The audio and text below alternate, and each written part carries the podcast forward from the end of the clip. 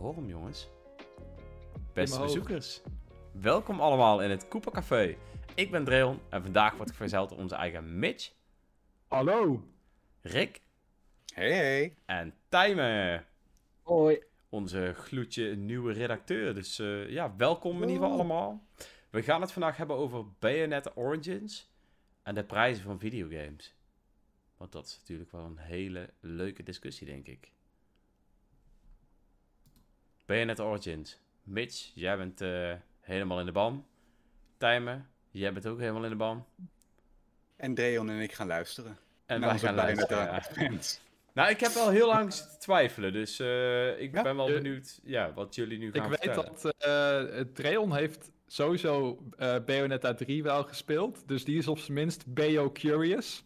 Eh, van Rick weet ik het niet. Eh, wat is Ik jouw verhouding met Bayonetta, Rick? Ik heb deel 1 en 2 eh, op de Wii U eh, gespeeld. Maar daar vond ik het eh, wel even genoeg mee. Ik heb deel 3 aan me voorbij laten gaan. En ja, Bayonetta Origins. Daar komen we zo even op terug. Is het die prijs wel waard? Ik heb nog genoeg te spelen. Nu dus voor nu zeker even niet. Alright, maar deel 3 of deel 1 en 2 vond je wel, vond je wel vet dus? Nou ja, ik heb natuurlijk het combo pack toen gekocht. want die waren in de Wii U. Weet ik, weet ik veel. Er was heel weinig te spelen op de Wii U. Qua Oh, action game zat het wel lekker. Maar ehm, ja, ik had toch wel een beetje. eh, ik vond het allemaal net iets too much. Af en toe dacht ik wel: God, hier gaan de gordijntjes even dicht. Ja, het is geen game die je moet spelen als je ouders meekijken, maar... Of Als je vlakbij een basisschool woont. Waar, men, waar mensen en heel kleine kindjes langslopen. Nee, eh, wat je zei, Dreon, daar ben ik het zeker mee eens. Nee, dit ik, is, eh, eh, ik vind Platinum Games op zich een heel toffe ontwe- eh, ontwikkelaar. mhm. Maar als ik dan zeg maar een Bayonetta-style game moet kiezen, vind ik Astral Chain echt wel tien keer be- leuker dan Bayonetta. Maar het is leuk voor de fans. Ook leuk dat eh, Nintendo dat natuurlijk destijds heeft gered. Want het was eigenlijk gewoon ten dode opgeschreven. Totdat Nintendo dacht van, oh laten we ook nog eens een keertje wat diversificeren. In ons gameaanbod. Mhm. Maar nee, dat is eh, goede move het is, eh, leuk, het is leuk voor de fans. En eh, ik ben niet een van die fans. Dus eh, laten we vooral horen wat de echte fans, onze Mitch en onze Tijmen daarvan vinden. Nou, ik ben wel benieuwd. eh eh, Tijmen, speel jij Bayonetta 3 met eh, de gordijnen open? Ja, met de gordijn open wel. Ik heb mijn eh, tv in mijn eigen slaapkamer staan. Dus eh, als er Oh, iemand in mijn slaapkamer binnenkijkt, geen flauw idee wat diegene aan het doen is. Maar eh, ja, voor de rest eh, speel ik het wel. Het, op zich, als mijn ouders binnenkomen, zeg ik het soms op sommige momenten wel eens weg. Maar ja, Vlug op de homeknop duwen. daar hebben we een drukken. Maar op de meeste momenten gaat het wel gewoon goed, toch? maar jij hebt, eh, Ja. heb je inmiddels ook alle Bayonetta games gespeeld, eh Tijmen? Ja. Of, eh, Ja, ik heb. eh, ik begon met drie, dus ja, ik begon met de laatste. En dan eh, ja, vond ik het dus, dusdanig leuk dat ik ook eh, de eerste en tweede heb aangeschaft. Oké. En die heb je ook eh, uitgespeeld, allebei? Of, eh, Alle twee uitgespeeld. Nice. En ben je dan ook echt in de tegenovergestelde volgorde gegaan? Van 3 naar 2 en dan naar 1? Nee. Nee, ik ben wel van eh 3 naar 1 naar 2 gegaan. Oké, Nice. oké. Daarna nog een keer eh 3 opnieuw. Om te kijken of het nou nog echt heel veel veranderd is, zeg maar. Mhm. En ik denk wel aardig wat. Ja, het was echt, alles werd ineens echt een stuk duidelijker, zeg maar. Van alle personages tot het verhaal, tot eh, ja, Ja, gewoon al die easter eggs die je dan ziet die je in de eerste playthrough niet zag. ja. Ja. is heel vet. Ja. Ehm, en wat je natuurlijk ook hebt, is de, de gameplay wordt natuurlijk steeds uitgebreider. Maar, en dat brengt ons bij eh Bayonetta Origins. Ik zelf vind eigenlijk ook dat de games eigenlijk steeds familievriendelijker worden. Want Ja. Bayonetta 1 heeft echt een paar scènes. Ik noem dan het stuk met die eh, Joy eh, chick. Mhm. Ja. Denkt van, oké, hier ga ik wel echt even de gordijnen voor dicht doen. Ja. Eh, maar in 3 zit dat eigenlijk niet. En in 3 heb je die eh naïef angel mode als je de blood and gore zeg maar wil, eh, wil terugdringen. En het mooiste daaraan vind ik dat wanneer Bayonetta haar hart uit haar lichaam rukt om een demon op te roepen. Als je die naïef angel mode hebt aanstaan, dan rukt ze dus een tomaat uit haar. en die, en die, die, die crusht je dan ook zo. En dan zie je gewoon een tomaat. En dat vind ik echt mooi, vind ik echt mooi gedaan.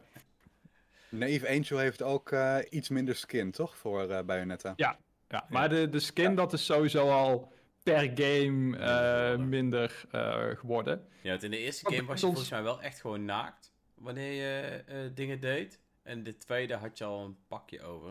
Maar dan waren de cutscenes af en toe nog steeds wel. Ik weet goed, volgens mij was dat een van de eerste scènes van deel 2. Dat zij op een gegeven moment tussen al die monsters doorspringt. En dan zie je die camera zo draaien. En dan zie je die Ja. zo precies Ja, die kleding kapot maken. Dat was Ja. denk ik wel de heftigste scène van deel 2. Dat was wel echt grappig. Dat is ook wel echt gewoon het iconische wat in elk spel tot nu toe terug was gekomen. Ja. ja. Ja. Gewoon die eerste scène. Zelfs in, eh, dat zit zelfs in eh, deel 3 nog steeds, ja. Ja, ja. Ironisch genoeg mogen ze van Nintendo al out gaan, hè? Het is eh, vooral Platinum Games zelf die denkt van... Nou, zullen we toch niet net even ietsje eh, minder over de top doen... in de hoop dat we dan net misschien een eh, paar honderdduizend meer mensen kunnen overhalen? Ja, het is. eh, ja, ik weet het niet. Ik vond dat overigens ook niet te storen aan de game. Ik begrijp wel dat als je ouders meekijken dat het misschien niet zo leuk is. Maar voor de rest eh, vond ik dat. Ja, het, heeft wel, het heeft wel een charme. Juist omdat ze over de top gaat, vind ik het wel grappig. Zeker. Dus, eh, Zeker. Paul Maar- zegt, eh, Ja. aan de trend te zien kunnen we met Bayonetta 6 de gordijnen prima open houden. ja. ik denk dat je dan zelfs in de basisschool kunt spelen. ja, ja. Maar eventjes. eh Ja. even- hè, want we- Klopt, Bayonetta ook eh, Origins. dat Em- Empire, of ik weet niet hoe die dat graag uitspreekt, maar die refereert ook aan eh, in Bayonetta 2 hadden ze dan zo'n Link kostuum toegevoegd. En daar was Nintendo die zei van, eh yo jongens, dit is geen Bayonetta, maak het eens even een stuk, eh, stuk meer skin in die game, in, de, in die outfit.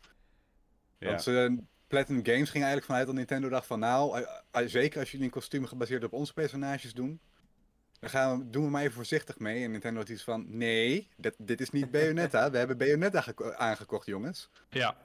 Doe het even out. je, je, je merkt wel vanuit Platinum Games dat ze Bayonetta wel steeds toegankelijker willen maken voor een, eh, voor een groot publiek. En ook misschien beter willen aan laten sluiten eh, bij het bredere publiek van de Nintendo-console. Waar vaak ook jonge kinderen en ouders eh, bij, eh, bij betrokken zijn.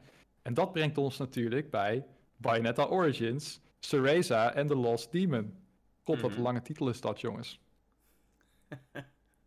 Special ben- Edition, eh daar komt volgende console ook nog een keertje uit. Nee, Knuckles zit er nog niet in, dat, dat weet ik wel. Knuckles die eh, zit er nog niet in. Nog niet.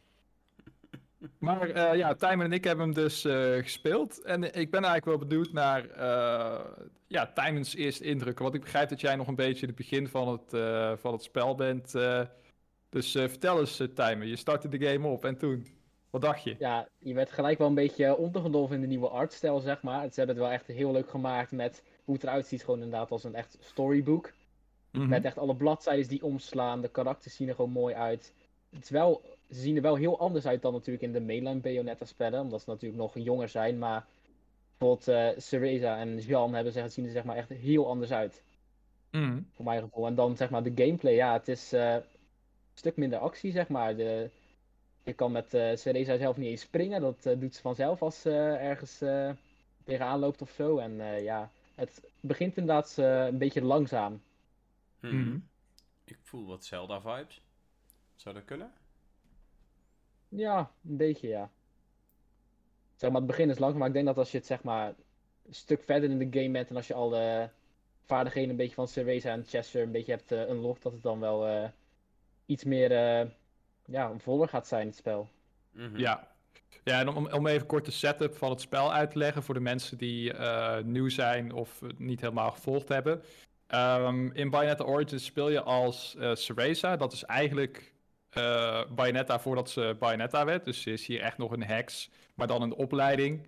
Eh, haar moeder is gevangen genomen, omdat die ook een heks is natuurlijk. En op heksen zijn ze niet altijd even dol.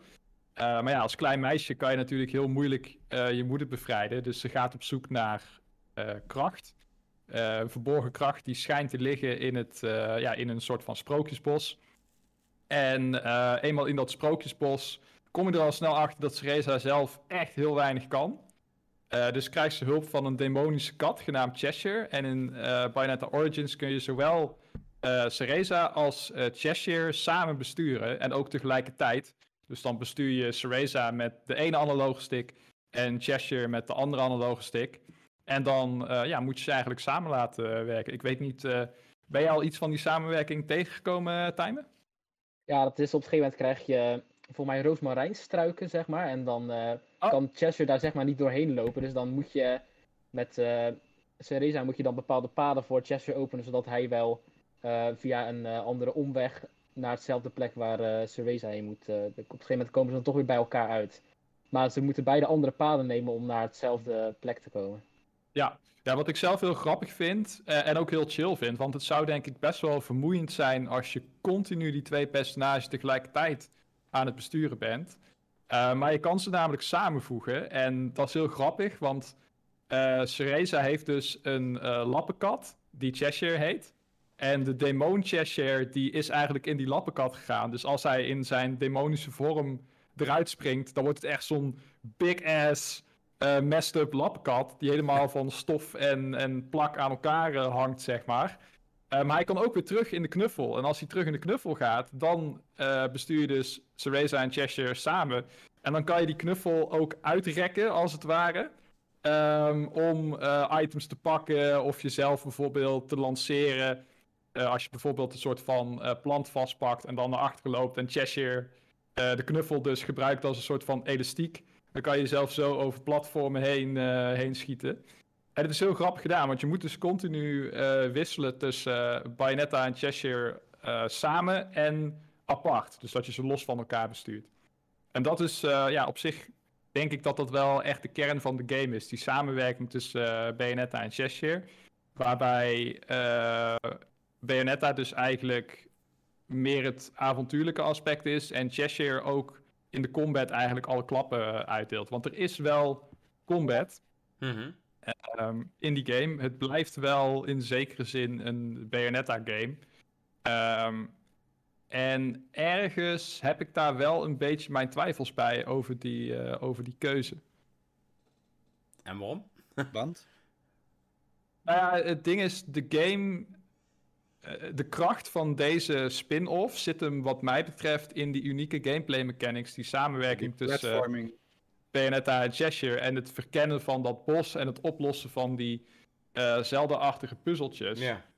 Ehm, gameplay, gameplay technisch qua ontwerp ziet het er wel heel sterk uit. Wat ik aan eh, ja, beelden En heb dat- gezien in trailers en alles. ja, ja. En, en dat is eh, ook wat het onderscheidt van zeg maar de, de standaard Bayonetta games. Die draaien om gestoorde over de top acties en lekker Ja. veel vechten en zo. Mhm. En ergens in deze game denk ik na een tijdje van... Ik heb eigenlijk helemaal geen zin in het volgende gevechtje. Want ik wil gewoon verder met het verkennen van die, eh, van die wereld... en het oplossen van die puzzeltjes. En als ik aan het vechten ben, dan voelt het meer als een soort van... Bayonetta light. In de zin van Hmm. dat het niet interessant genoeg is voor mensen die... eh Van de mainline Bayonetta's houden. Precies, die lekker creatief wil zijn met combo's en dergelijke.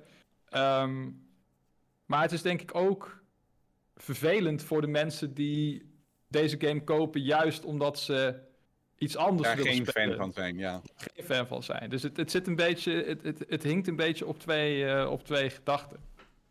Oké, en En hoe storend is dat? voelt het dan meer als een belemmering inderdaad? Iets wat... Hè? Iets wat je de hele tijd weer uit de gameplay haalt? Of, of hoe kan ik het dan het beste zien? Ja, het, het is. ehm, het is. Soms voelt het als een belemmering en soms voelt het wel interessant. Want ze introduceren wel nieuwe vijandjes. En het is allemaal niet zo intensief als eh, de normale Bayonetta games. Dus je hebt geen slow motion dodges en dat soort, eh, dat soort dingen.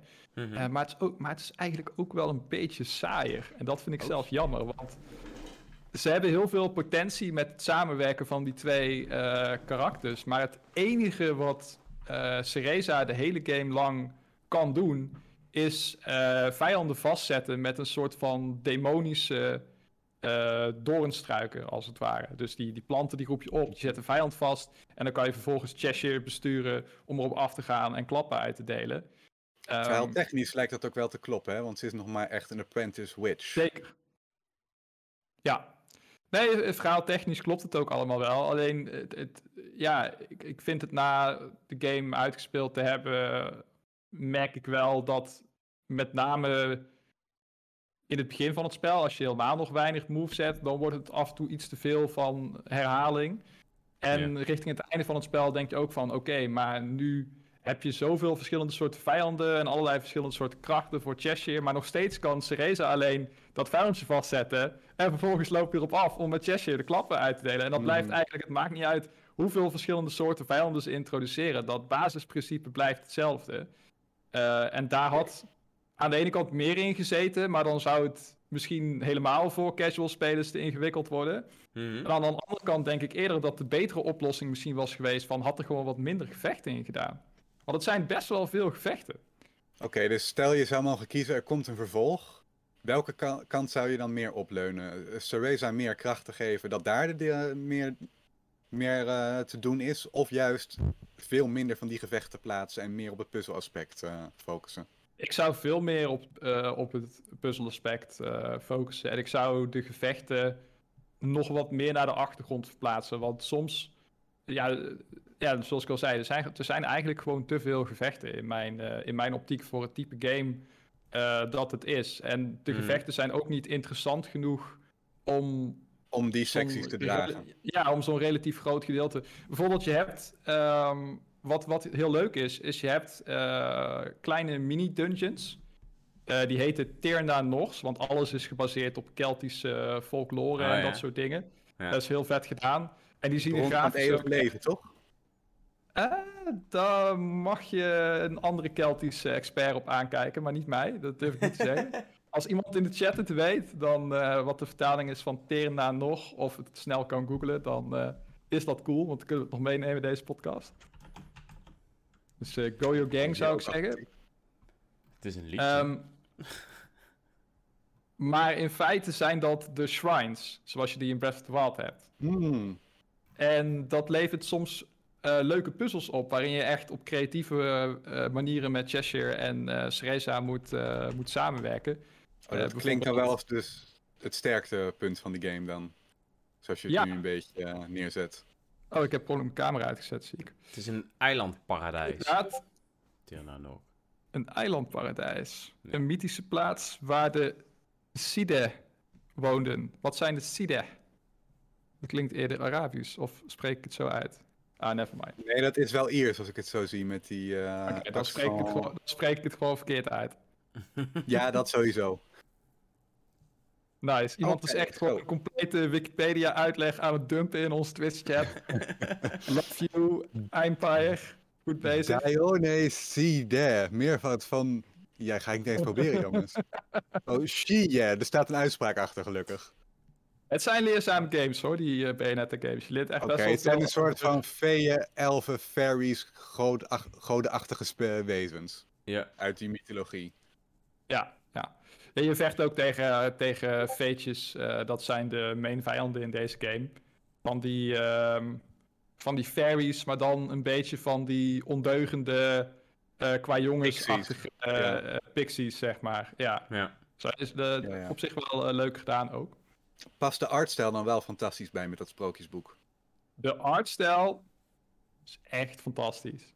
Ja. Het ziet er zoveel beter eh, of prettiger uit, moet ik zeggen, dan eh Bayonetta 3. En ja, natuurlijk deze cel-shaded stijl, die dat sluit gewoon heel voor erg een... goed aan eh, op de Switch. Ja, ja. Ja, Ja. Nee, wat ik en wilde ook zeggen... geen, eh, geen smeltende chipsets Hm? of... nee, nee, nee. nee. wat je De, bij de Bayonetta game, 3 eh, wel een beetje had. nee, de game, eh, de game loopt, eh, loopt op zich prima. Ik heb af en toe wat slowdown gehad, maar voor de rest eh, is die, eh, is die tip-top in orde technisch. Weinig op aan te merken. Oké. Nice. Maar wat, ik, maar wat ik nog even wilde zeggen met die Tina Nors. Je hebt dus eh, dat er echt gepuzzeld moet worden. Maar je hebt ook Tina Nors die eigenlijk gewoon een gevechtje zijn tegen drie vijanden of whatever. En die Tina Nors zijn voor mijn gevoel best wel in de meerderheid ten opzichte van de echt grotere eh, puzzelachtige eh, stukken. En ja, dat, dat vat voor mij wel een klein beetje samen waar mijn voornaamste kritiek op eh, ja, ligt eigenlijk. Oké. Ik, eh, ik ben heel benieuwd. kwam wel Wat- ook wat- in een Famitsu-interview naar voren hè, dat eh, Platinum Games Mhm. echt wel hoopt om hier een, eh, ook een vervolg aan te geven. Dus ik ben benieuwd wat ze daar aan, die, eh, aan meenemen van die kritieken. Maar wat doet deze game nou echt, zeg maar, om de echte Bayonetta-fans hem te laten spelen. Wat, waarom zou je als Bayonetta-fan deze game spelen? En waarom heb jij de game gekocht, Tijmen? Ja, ik heb hem eigenlijk voornamelijk gekocht vanwege het verhaal wat erachter zit. Zeg maar, om Mhm. echt het, zeg maar, want het gaat er wel echt over een stukje van eh Cerveza's ja, Bayonetta's leven voordat ze Bayonetta werd. En dat is wel echt leuk om te zien hoe ze daar verder op ingaan. Want zo heel, heel veel over eh Cerveza Mhm. is niet bekend toen ze klein was. Mhm. Echt van haar achtergrondverhaal en hoe ze dan uiteindelijk uitgegroeid is tot Bayonetta. Dus het is wel echt leuk om te zien hoe ze daar zeg maar verder op inspelen en dieper op ingaan. Dus ik hoop zeg maar dat als er dan een keer een eh, vervolg aankomt, dat ze dan ook echt, eh, dat dan ook Cerveza echt wat meer opgegroeid is. En dat ze dan wat meer, eh, ja, meer abilities heeft zeg maar. Ja, Dat is wel echt iets waar ze echt goed op kunnen voortborduren. Mm. oké. Ja, Nice. ik, ik, eh, wat, heeft een van jullie twee hem al uitgespeeld? Ik heb hem eh, zo goed als uitgespeeld. Nice, nice, nice. Ik, Ja. eh, kun je me vertellen over hoe, referenties, hoe lang het eh, ongeveer in. duurt? Ehm, ja, dat, dat ligt eraan hoe grondig Of je alles wil doen of niet. Ja. Ja, nee, maar gewoon Dus eventjes is een, normale play-sessie waarbij je wel het een en het ander aan, aan optionele content doet. Hè? Dus wat sidequests en eh gewoon Ik denk een uurtje of eh 15, verwacht ik. Ja, ja, ja. Oh, oké. Als je dat echt voor, eh, alles, voor alles gaat, dan denk ik 20, 25 misschien. Maar ik denk als je gewoon de, vooral de main story doet en het pad eh, volgt en dat soort dingen, dan ja, plus minus 15 uur. Ja, ja. Oké. Dus zeg maar als je je No Life op zou sluiten in één weekendje te doen. Ja. Oké, nou dat, eh, Met de gordijnen open. dat, dat klinkt prima. En ook met de gordijnen open. Dat is ook fijn. Nou, dat zijn wel de type games die ik dan juist het liefst wat meer uitspreid. Ja. Zo ik bij grotere, echt grote RPG's dan heb van, joh, dan wil je nog wel eens als hij net nieuw is, dat eerste weekend eh er vol voor gaan. Ja. Nee, ik dit is, eh, dit, dit is, ik, ben wel, ik ben wel redelijk kritisch op deze game. En eh, ik loop daarin misschien ook wel een klein beetje vooruit op eh, de review die, eh, als het goed is, morgen verschijnt. Dus eh, Mhm. die kunnen jullie lezen voor nog uitgebreidere eh, bevindingen. Hm. Ehm, maar het is wel echt een super charmant spel. Het is zeker geen, eh, geen slechte game. Het is absoluut een leuke game. Absoluut de moeite van het spelen waard. Ehm, en denk ik ook gewoon leuk om of in de sale te halen of gewoon te spelen op momenten tussen twee grotere games door. Als je echt even in de stemming bent voor iets eh, kleinschaligers. Ja, ja. Ja, je zegt nou heel mooi in de sale te halen. Dat is natuurlijk eh, het volgende puntje waar we het over gaan hebben. Want Bayonet Origins is natuurlijk 60 euro. Een, eh, ja, een bedrag wat denk ik redelijk discutabel is voor eh, ja, de combinatie van van alles natuurlijk. De speeltijd, slash grafische stijl, slash eh, 2D. Het voelt aan alles niet Ja. zo spectaculair Het- het voelt- als een Breath of the Wild. Of nou, het voelt, het voelt niet of hetzelfde als Bayonetta, die nou, ook 60 Of euro Bayonetta kost. 3, ja. Ja, dus ehm, ja, wat vinden we nou van de prijzen van videogames? We zien natuurlijk ook steeds meer dat, dat games nog duurder worden. Eh, games waarvan we vinden van ja, dat is echt 40 euro game die voor 60 euro in de winkel ligt. Noem het maar op. Wat vinden we van? Laten we eerst even gewoon beginnen met Bayonetta Origins. Is die 60 euro waard? Waarom kijkt iedereen nou mij aan? Ja, jij of Tijmen, eh, je Reon en ik hebben ki- die game gespeeld. Nee, ik... eh, Ja, Timer, wat vind jij? Dat, dat... Oh Nou ja. ja, zeg maar tot nu toe, hoe ver ik ben, zou ik niet zeggen 60 euro. Ik zou zeg maar eerder zeggen, vinden. ja, ik ben nu ook nog maar aan het begin, dus ik kan ook niet een hele uitgebreide oordeel erover geven. Maar van wat ik nu heb gezien, zeg maar, zou ik er de volgende keer denk ik geen 60 euro voor betalen. Ik heb hem zelf ook eh, niet voor 60 euro opgehaald, hij was ergens in de aanbieding. Maar dat was toen voor al? 50, ja. Dat was, eh, ik had hem eh, voor 50 euro opgehaald, maar dat vind ik, vind ik een betere prijs. Maar 50 euro is ook weer zo'n prijs dat je niet vaak ziet bij, voor een videogame. Mhm. Dan zou je eerder naar 40 euro gaan, maar dat is dan misschien weer net iets te goedkoop. Ja. Maar 60 Hmm. euro is denk ik net iets te duur voor een spel zoals Bayonetta Origins. Wat vind jij, Mitch? En waarom? Oh, ja. Ja. Zeg maar ook als jij eh, hoe, hoe lang het duurt en zeg maar de speelstijl. Ik denk dat.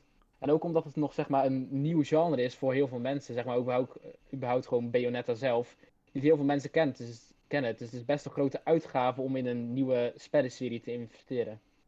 Hmm. Oké. Hoe, eh, hoe kijken jullie daar tegenaan? Want eh, we hebben ik, ik kan me deze discussie ook bijvoorbeeld herinneren toen eh, Metroid Dread uitkwam. Hè, want 2D Metroid, eh, 2D game, huh, er zijn indie games zoals Hollow Knight en die kosten 15 15 minder. euro. En eh, da- daar stop je nog meer uren in dan Metroid Dread. Eh, ja, ik, ik ben wel benieuwd. Dreon, jij hebt bijvoorbeeld Metroid Dread eh, gereviewd. Had jij toen in je achterhoofd van, is deze game wel 60 euro waard? Ja, ik, ik, ik, het is altijd wel een dingetje waar ik over nadenk. Ehm, maar Metroid Dread was, ondanks dat het natuurlijk een 2D-game was, zag hij er wel gewoon echt fenomenaal uit. En je kon natuurlijk wel zien dat het eh, hier en daar wel eh, ehm, ook echt wel een investering eh, zou zijn geweest om de game te maken. Ehm, kijk, het, lastige met een game als Bayonetta Origins vergeleken met Metroid Dread is de, de ja, het klinkt misschien heel oneerbiedig, maar het zijn dan net wat goedkopere graphics, zeg maar. Zo voelt Bayonetta Origins. Ondanks dat er superveel liefde in is gestopt, lijkt het, ja, lijkt het allemaal Mhm. wat meer low budget. En dat is, dat is misschien helemaal niet, maar zo voelt het wel als je er naar kijkt. Terwijl Metroid Dread ziet er wel echt gewoon uit als een top-notch 2D platform game. Maar nu ga ik jou een gewetensvraag eh, stellen. Een want is dat omdat het meer eh, tekenfilmachtig is? Ja, daarom, versus de realistische stijl ja, daarom en zeg ik, het klinkt heel- Metroid Dread? Ja, ja, daarom zeg ik, het klinkt heel oneerbiedig. Want het is zeker niet zo. Maar zo voelt het wel. Snap je? Nou ja, als genoeg Ja, mensen dat ja. voelen, dan ga je dat op een gegeven moment in de sales zien. Ja, ja. Wat wil je zeggen, Mitch? Oké, zou jij Dreon Ekels Nou komt ie. van N1UP dan ook zeggen dat eh The Legend of Zelda de Windweker meer low budget aanvoelt dan een Twilight Princess? Of Ocarina Nou, of Time? Toen de game verscheen... Hè, laten we eventjes helemaal teruggaan naar 2002 was het volgens mij dat eh, de game Hoe oud verscheen. was jij toen, Simon? Toen was 2002, toen was ik nog niet eens geboren. nee, ja, toen, toen, toen ons... Voor wie zich even oud wil voelen. ja, Ik wil zich gewoon jong voelen, Time. Trek je er niks van aan. Ja, ja. Nee, maar- even serieus. Ik, denk dat, dat in die tijd, toen, toen had iedereen, of ja, iedereen, heel veel mensen hadden toen ook dat gevoel. Hè? Toen we van Ocarina of Time opeens deze grafische stijl kregen, toen werd daar ook wel door heel veel op deze manier eh, op gereageerd. Sterker nog, toen de game verschenen was, verkocht die ook helemaal niet zo supergoed. En is dat gevoel heel lang blijven hangen. En is de game, denk ik, tien jaar later of zo opeens een klassieker geworden. Terwijl het gevoel op dat moment was ook een beetje zo. En ik denk dat ik daar ook echt wel één van was. 100%. Nu terugkijkend, ik heb toen wel echt gewoon genoten van die game hoor. Maar wel altijd in mijn Mm. achterhoofd gehad. Was hij maar zoals Ocarina of Time. Op het moment dat je het speelde, weet je. En nu achteraf gezien zie je dat het natuurlijk gewoon een tijdloos iets is. Want die game die is heel goed oud geworden ook. Vergeleken In met tegenstelling tot al die andere games die er toen wel eh Ja, dus... fantastisch uitzagen. Ja, dus dat is zeker wel een Ja. voordeel. Maar ik, ik oh, er wordt gezegd, Rayon blijft toch wel echt een graphics criticus van Eminem. Ik ben zeker geen graphics criticus. Hè. Dit is even, ik probeer alleen een gevoel te beschrijven wa- waarvan ik denk dat heel veel mensen denken dat Bayonetta Origins die 60 euro niet waard is. Wat ik zeg, het klinkt heel oneerbiedig om te zeggen van vanwege de grafische stijl. Maar ik, ik denk dat, dat die game een bepaalde uitstraling heeft, zeg maar, waardoor heel veel mensen het misschien Nou, ik, ik denk, Vinden. ik denk dat het eh, net als Metroid Dread, want ik denk dat dat heel vergelijkbaar is, ondanks dat Metroid Dread een andere grafische stijl gebruikt. Maar ik denk dat mensen bepaalde associaties maken. Als jij een eh, top-down eh, tekenfilmachtige Hmm. game ziet als Bayonetta Origins, dan denk je al snel aan een mobile game. Ondanks dat Mhm. Bayonetta Origins natuurlijk vele malen mooier en stijlvoller is en al die dingen en zo. Maar toch, je ziet dat camera's perspectief, je ziet de, la, ja, eigenlijk Hmm. weinig details, dat soort dingen. Het is een wat simpeler steltje. En als er een wat simpeler steltje is, nou ja, kijk bijvoorbeeld naar het nieuwe Advance Wars, dan wordt meteen, oh ja, het ziet eruit als een mobile game. Metroid Dread, idem dito. Eh, die game ziet er goed uit, maar tegelijkertijd is het 2D en we zijn natuurlijk gewend dat 2D-games vaak indie-games zijn en indie-games hebben ook genoeg Metroidvania's gemaakt. En door al die associaties wordt dan de vraag gesteld van, oké, maar is dit dan net als die andere games geen 60 euro waard? Of waarom is dit, eh, laten we het omdraaien, waarom is dit wel 60 euro waard? Dat is denk ik de vraag die mensen stellen. Want dit doet me denken aan goedkopere games. Waarom zou deze nou wel 60 euro waard zijn? Mhm. Nou ja, wat misschien ook wel een beetje het punt is, ze zijn sinds de Switch natuurlijk wel het onderscheid tussen een console game en een handheld game kwijtgeraakt. En dit voelt misschien, eh, de handheld games waren altijd net iets kleiner in scope. Ja. Als we even het voorbeeld van Wind Waker er weer bij pakken. Oké, de grafische stijl prima, maar als je de wereld zag die eh, Nintendo had gemaakt voor eh, Wind Waker, dat was gewoon echt duidelijk een console-ervaring. Hmm. En als je dan keek naar eh, de directe opvolgers in een vergelijkbare grafische stijl, dat waren dus Phantom Hourglass en Spirit Tracks. Spirit Tracks. Ja. Die voelden wel echt qua scope ook kleiner aan. Op de handheld waren ook dan, wat was het, 20 euro goedkoper? Ik wou zeggen, En we zijn die dat onderscheid. volgens mij 45 euro. Ja, maar ja, dat is wel net eventjes gevoelsmatig, die eh 20, 15 euro goedkoper. Eh, dat onderscheid zijn we kwijtgeraakt sinds de Switch. En dat had ik van tevoren eigenlijk wel verwacht, dat je en de traditionele console games voor de 60 zou krijgen, Mhm. en dan de wat meer kleinere ervaringen. Waar 45. Bayonetta in ieder geval qua impressie, wat ik als iemand die niet heeft gespeeld, de demo niet heeft gespeeld, hè, dus dat even als voorbehoud. Ja. Maar dat Ja. voelt meer als zo'n 45 euro ervaring Ja. aan. En Ja, Ja, eh, ik- dat- ik, denk dat je daar wel de spijker op zijn kop slaat, ja. Dat denk zien we wel. trouwens ook bij, ehm, hoe heet het, dat, eh, die Layton spin-off die eh, toen is gepoord. Die kwam van de, sowieso, dat was niet de beste Layton ooit, dat zie je ook in de resultaten. Maar die heeft in de sales, toen hij niet voor eh 60 euro in de e-shop stond, maar voor 20 euro te koop was, Hmm. dat heeft zo'n beetje de 50% van alle verkopen gedaan, geloof ik. Ja. Dus er zit een gevoelsmatige topprijs aan, Ja. aan bepaalde type, titels. En Ja. Ja, en ik, dat ik, onderscheid mag wel terugkomen, vind ik eigenlijk. en ik zie Gewoon nu dat... wat, net eh, wat kleinere ervaringen. Ja, want ik zie nu ook dat Daan bijvoorbeeld zegt, laten we het omdraaien. Zouden jullie 60 euro willen betalen voor Hollow Knight? Ik denk dat als ik de game gezien zou hebben, zonder te weten wat nu de uiteindelijke ervaring is, dat ik het ook niet gedaan had.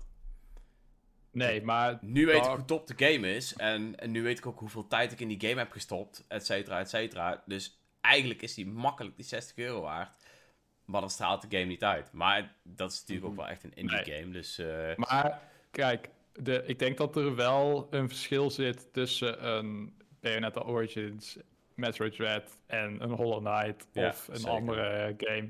En dat is heel simpelweg budget. Ja. Want ja, dat je gaat nadenken over wat de reden is dat deze game 60 euro is. Ik denk dat de reden daarvoor is dat ze simpelweg gewoon best wel veel budget erin gestopt hebben. Het is Ehm, gewoon het hele Platinum Games grafische team. Stijl, los van de Mhm. grafische stijl zit er echt enorm veel voice acting in de game. Ehm, er zitten heel veel toffe grafische effecten, verschillende omgevingen, animaties. Het is allemaal top-notch qua Ja. presentatie. Het is in veel opzichten een mooiere game dan eh Bayonetta 3.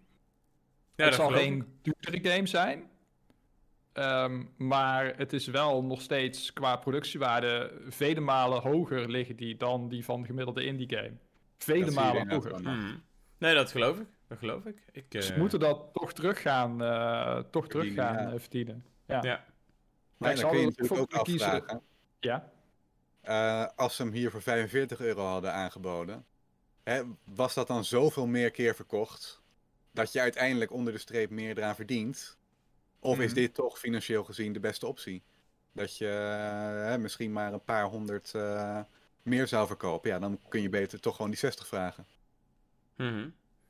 ja. Maar dat is iets wat wij eigenlijk nooit te weten krijgen natuurlijk. Dat eh, kijken ze zelf lekker in de back-office eh, Ja, zeker. Ja. als we alle Ja, cijfertjes zien.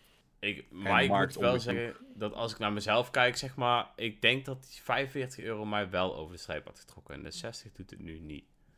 En dat is... eh, Ja. Dat is ook waarom ik het eh, zei, ja. Dat zou ik een stuk aantrekkelijker vinden. Ja, ja. Tijmen is- zei het ook, hij had hem voor nou, dan 5 euro meer. Dat is een eh, stuk minder grote drempel. Ja. ja. Maar wat vinden Ja, ik we... Want, wat, Ja. Bayonetta Origins is natuurlijk niet het enige voorbeeld. En ehm, er zijn natuurlijk een hele hoop games die soms veel te duur over de toonbank gaan. Of veel te goedkoop. Ja, veel te goedkoop kan bijna niet. Maar ehm, dat is ook nog wel een leuke discussie die we straks ook nog wel even aan kunnen halen. Net als bijvoorbeeld Mario plus Rabbids die binnen drie weken in de sale is, et cetera. Maar Ehm, toevallig dat Daan het nu ook net eh, zegt in de chat. Maar ja, wat vinden wij van dat eh, er 70 euro gevraagd wordt voor Tears of the Kingdom? In de e-shop volgens mij, toch?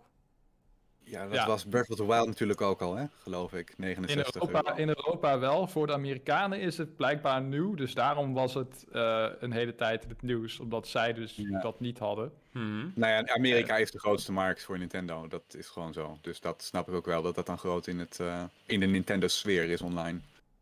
Ja. Ja, Breath of the Wild eh, was dat ook, zegt eh, Paul. Dat, eh, dat klopt. Mhm.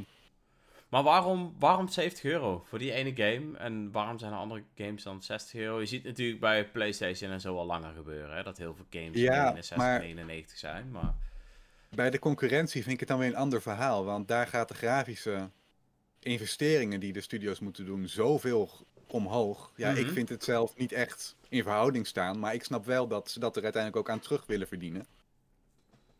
Hè, Maar hoezo hoeveel eh, meer in, polygonen. eh, eh, hoezo vind je het niet in verhouding staan? Op wat voor manier?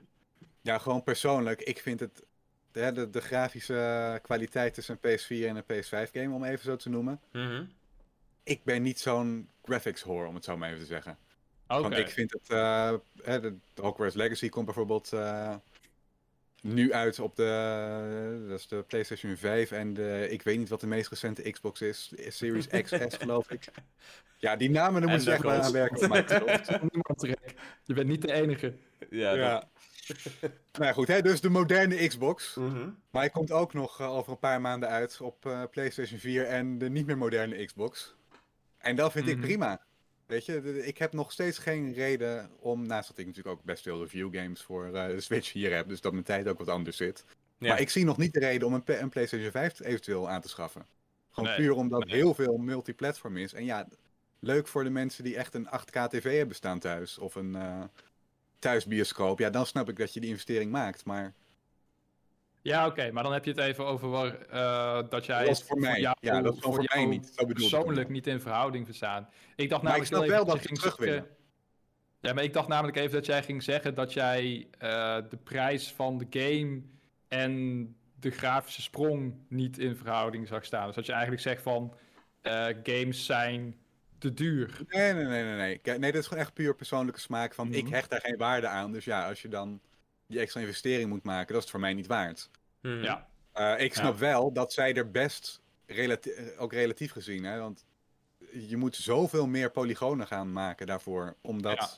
telkens maar beter te krijgen. Ik snap dat daar veel meer werk, veel meer maar eh, mankracht en uren in gaat zitten. je moet natuurlijk ook niet vergeten dat eh, zo'n Breath of the Wild of nu een Tears of the Kingdom, dat is natuurlijk wel dik vijf jaar in ontwikkeling.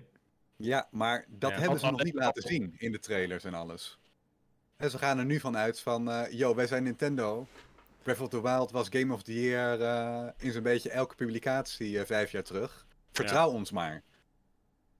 Ja, ja dat, is, dat is ook wel een beetje wat ze nu de afgelopen weken ook al zeggen. Hè? Van het wordt een fenomenale game. Vertrouw ons. Ja. Ik weet niet eens, uh, Aonuma heeft toevallig, zag ik vandaag iets voorbij komen over wat, over wat Aonuma had gezegd. Toen dacht ik al, oh, nou dat is wel een Ja, heftig ze waren statement. eh, Famitsu most anticipated, geloof ik, hè? Dat hij eh, ja. ja. kreeg. De meest, de meest gewilde game van Famitsu, wat eigenlijk zeg maar de Japanse, het Japanse game magazine eh, is. Ja, dat is wel Ja, ik geloof zelf een ook. statement hoor. Ik geloof zelf ook echt niet dat alles wat we nu hebben gezien in de trailers het hele spel gaat zijn. Oh nee, zeker niet. Dat houden ze En gewoon ik denk duidelijk dat we echt nog heel veel missen. Ik denk dat ze zeg maar, het core van het hele spel nog niet eens hebben laten zien. Echt het hele unieke ervan. Dus zeg maar, als dat echt fantastisch gaat zijn, dan is het spel, denk ik, in mijn opinie wel 70 euro waard. Maar zoals het er nu toe uitziet, dan ja, Het lijkt gewoon DLC nog steeds voor Breath of the Ja. Wild ergens. we moeten echt eigenlijk gewoon een keer met, in de trailer gewoon wat meer laten zien. Maar dat het niet zeg maar, te veel van het verhaal weggeeft. Dat is Ik dacht dat heel we- moeilijk, maar Ik, ik, ik dacht dat we hier in de Nintendo kerk zaten, jongens. Wie gooit Rick eruit? nee, ik... nou, eh, dan ga ik denk ik toch mijn PlayStation kopen, jongens. nee, het, het voelt voor mij niet als DLC, maar wel dat ze... eh, Nee, maar een beetje het het, feit gevoel. dat Je ze nu ziet gewoon zeggen van ja, dit is, dit is eh, de game en ik weet gewoon zeker dat iedereen eh, ja, echt wel eh, surprised is. En weet je, dat is wel, wel heftig hoor, dat je dat gewoon... Je hebt, je hebt gewoon echt een flinke dosis zelfvertrouwen nodig Ja. om een marketingcampagne te draaien. Zoals het Zelda-team en Nintendo Spare-afdeling die dat nu aan het draaien is. Ja, Je dat Ja, en het erge is, ze krijgen waarschijnlijk nog, nog gelijk ook. Want ik koop hem best wel. Dat, dat, dat ik er nu niet zo heel hyped over ben, betekent niet dat ik er geen, nou, Mhm. minstens 70 uur in ga steken. Dat weet ik nu al. Ja, Ja. ja, eens. Ja. Ja. En als we dat dat ook allemaal doen, Maar goed, 70 Nee, maar- euro, 70 uur, dat is 1 euro per uur. Nou, heb je je prima Ja, maar zo, zo denk ik echt niet. nee, ik Dat, dat is zo'n rare manier. Ik weet dat sommige mensen zo denken van, ik moet Nou, wel genoeg uren uit een game ja, halen. weet maar je ik vind dat zo'n onzin. Ja, maar dat, dat zeg je wel, Mitch. Maar dat komt, wij zitten nu in de luxe positie dat we werkend zijn, bla bla bla bla. bla. Toen ik student was, of nog, nee, nog van voor, toen ik eh tijdens leeftijd had, of nog jonger was, zeker. toen was Ja, dat echt wel een ding wat in mijn hoofd speelde. Hoe groter de game, hoe leuker ik hem vond. Toen kon ik er meer uur in steken. En ja, ik had maar een beetje zakgeld en dan moest ik het maar mee doen. Of een krantenwijkje of zo. Ehm, dus, oh, Ja, ik snap, ik, snap eh, dat dat groeten. voor, ik snap dat dat voor jongere gamers eh, die beperkt hun zakgeld Ja. of bijbaantjes geld kunnen uitgeven, dat dat echt wel een, een overweging eh, is. Maar persoonlijk, Nee, ja, ja, het is, persoonlijk. gelijk, nu het is wel, het is wel een luxe positie. Maar ik denk gewoon van, ik heb liever een korte game van vijf uur waarin al die vijf uren super fun zijn, Mhm. dan een veel langere game waarin alleen maar grind. 10, Ja, 10 of. 20 uur daarvan eh, filler is, of oninteressante escort missions, of weet ik veel wat allemaal. Waar je dan doorheen moet, zodat de ontwikkelaar kan zeggen: Ja, maar we hebben wel een game van 100 uur gemaakt. Ja, zeker. Maar kijk, het feit dat jij na die vijf uur weer over kunt stappen naar de volgende game, is natuurlijk niet voor iedereen eh, een luxe positie. En ik denk dat daar natuurlijk wel de overweging ligt. Nou, eens Zeker. even aan de persoon vragen die het dichtst nog bij die leeftijdscategorie zit. Simon, Vind je leuk, wat, Erik? hier- wat vind jij ervan? Vind Ja, je ik ben leuk? niet Hij is de niet meer de jongste, dus... eh, Is het echt Ja, zoals, eh zoals Dreon ook zei, ja, ik heb inderdaad een eh, beperkt budget. Ik heb wel een bijbaantje, maar het is niet alsof ik daar eh honderden euro's per jaar, daar verdien ik zeg maar niet heel veel mee. Dus ik heb wel echt ook tijden gehad dat ik echt moest kijken en aparte spaarden moest aanmaken voor games die uitkwamen. Moest kijken, ja, welke koop ik nou wel, welke ko- eh, koop ik nou niet. Maar ja, voor mij gaat het, eh, ja, inderdaad, hoeveel uren je uit het spel gaat, gaat voor mij inderdaad, ja, is een van de redenen waarom ik ook vaak een spel koop, ja. Zoals Ja, dat Dreon denk ook zei. wel. Ik denk dat echt wel. Het is eh, echt, eh, ik, ik wilde wel, als ik een spel koop, wil ik wel echt goede tijden uit kunnen halen, zeg maar. Vaak kunnen spelen dat het spel een goede re- replay value heeft, zeg maar. Ja. Maar ja, ik eh, ben niet iemand die dagelijks eh 60 euro uitgeeft aan een spel of zo. Dat eh, helaas eh, kan dat nog niet. nee, maar daarom, ik denk dat het echt wel, eh, echt wel een goede overweging is. Ik En denk ik denk dat het voor iedereen uiteindelijk wel een factor van betekenis is. Hè? Want Hmm. op een gegeven moment, hè, als je er echt maar een half uur uit zou halen, bij wijze van spreken, dat vinden, vindt Ja. bijna niemand eh, in verhouding staan. Dan heb je het voor de, over de extreem inderdaad. Ja, kijk, ik vind het wel Mhm. terecht dat een game als eh A Short Hike, die je in 4 of 5 uur kan uitspelen, eh, dat je die voor 10 euro kan kopen en voor 4 of 5 euro in de, in de sale. En dat is, dat is prima. Hmm. Eh, maar ik vind het tegelijkertijd ook wel terecht dat bijvoorbeeld een Luigi's Mansion voor de Nintendo Gamecube, die je ook in een uurtje of 10, 12 kan, eh, kan uitspelen als je doorspeelt, dat die 60 euro is. Ja, dat snap ik, want die game ziet er gewoon, zag er destijds gewoon heel goed uit. Het, is, het speelt lekker weg, even veelt je geen moment. En ja, dat dat dan ook 60 euro kost, ja, weet je.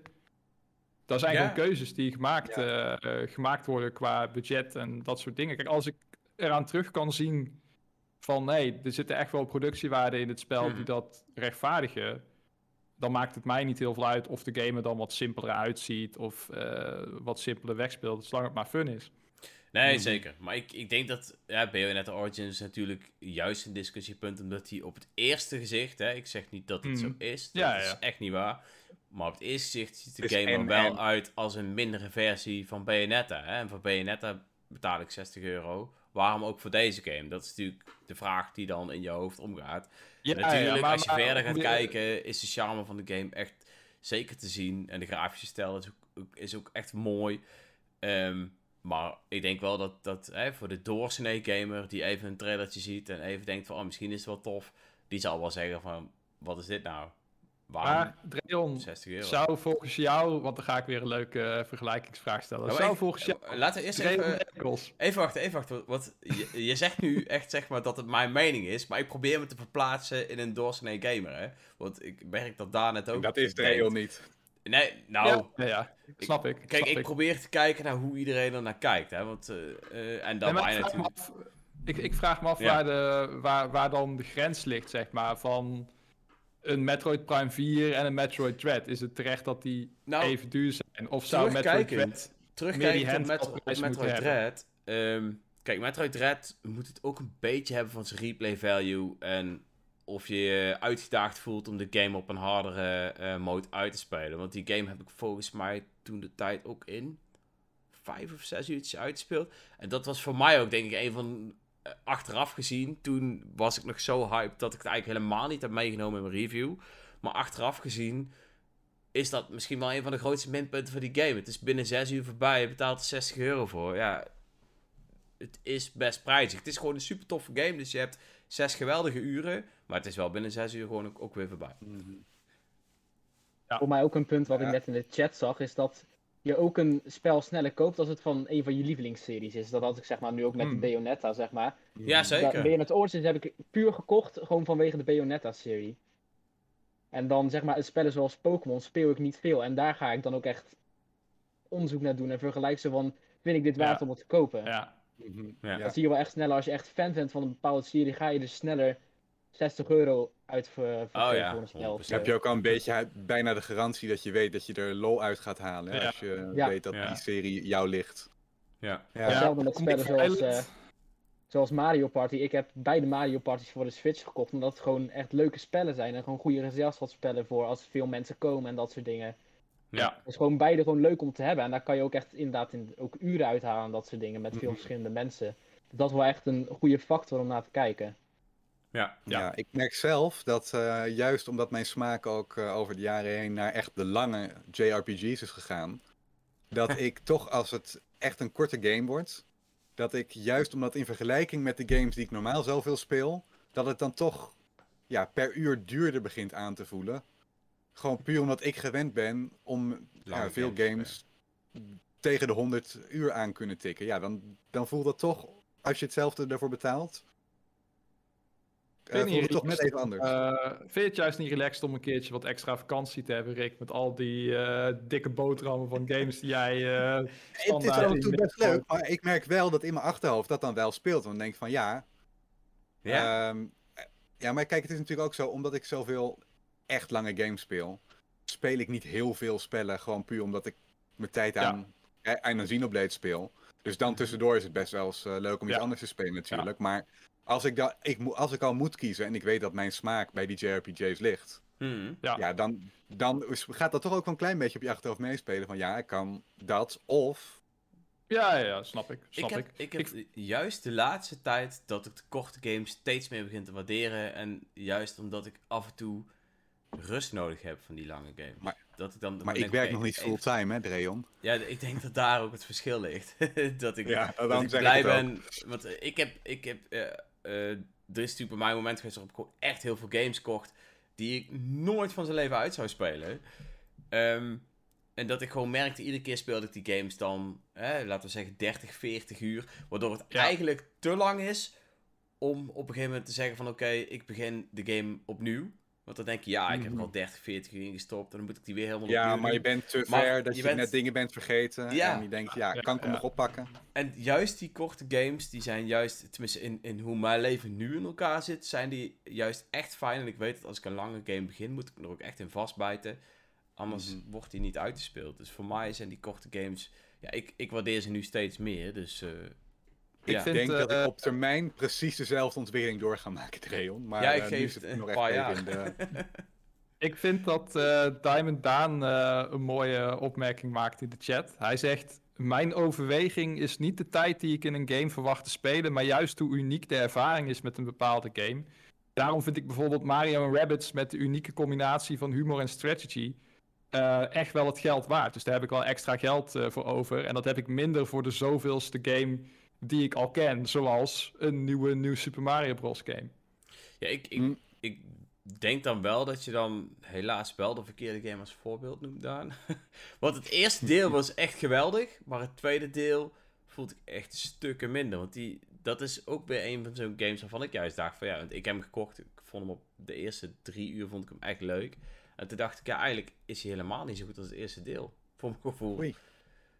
En, en eh, dat is wel, daar begin ik natuurlijk ook steeds meer aan te storen. Ja. Ehm, Ja, zeker als je tijd beperkter is dan.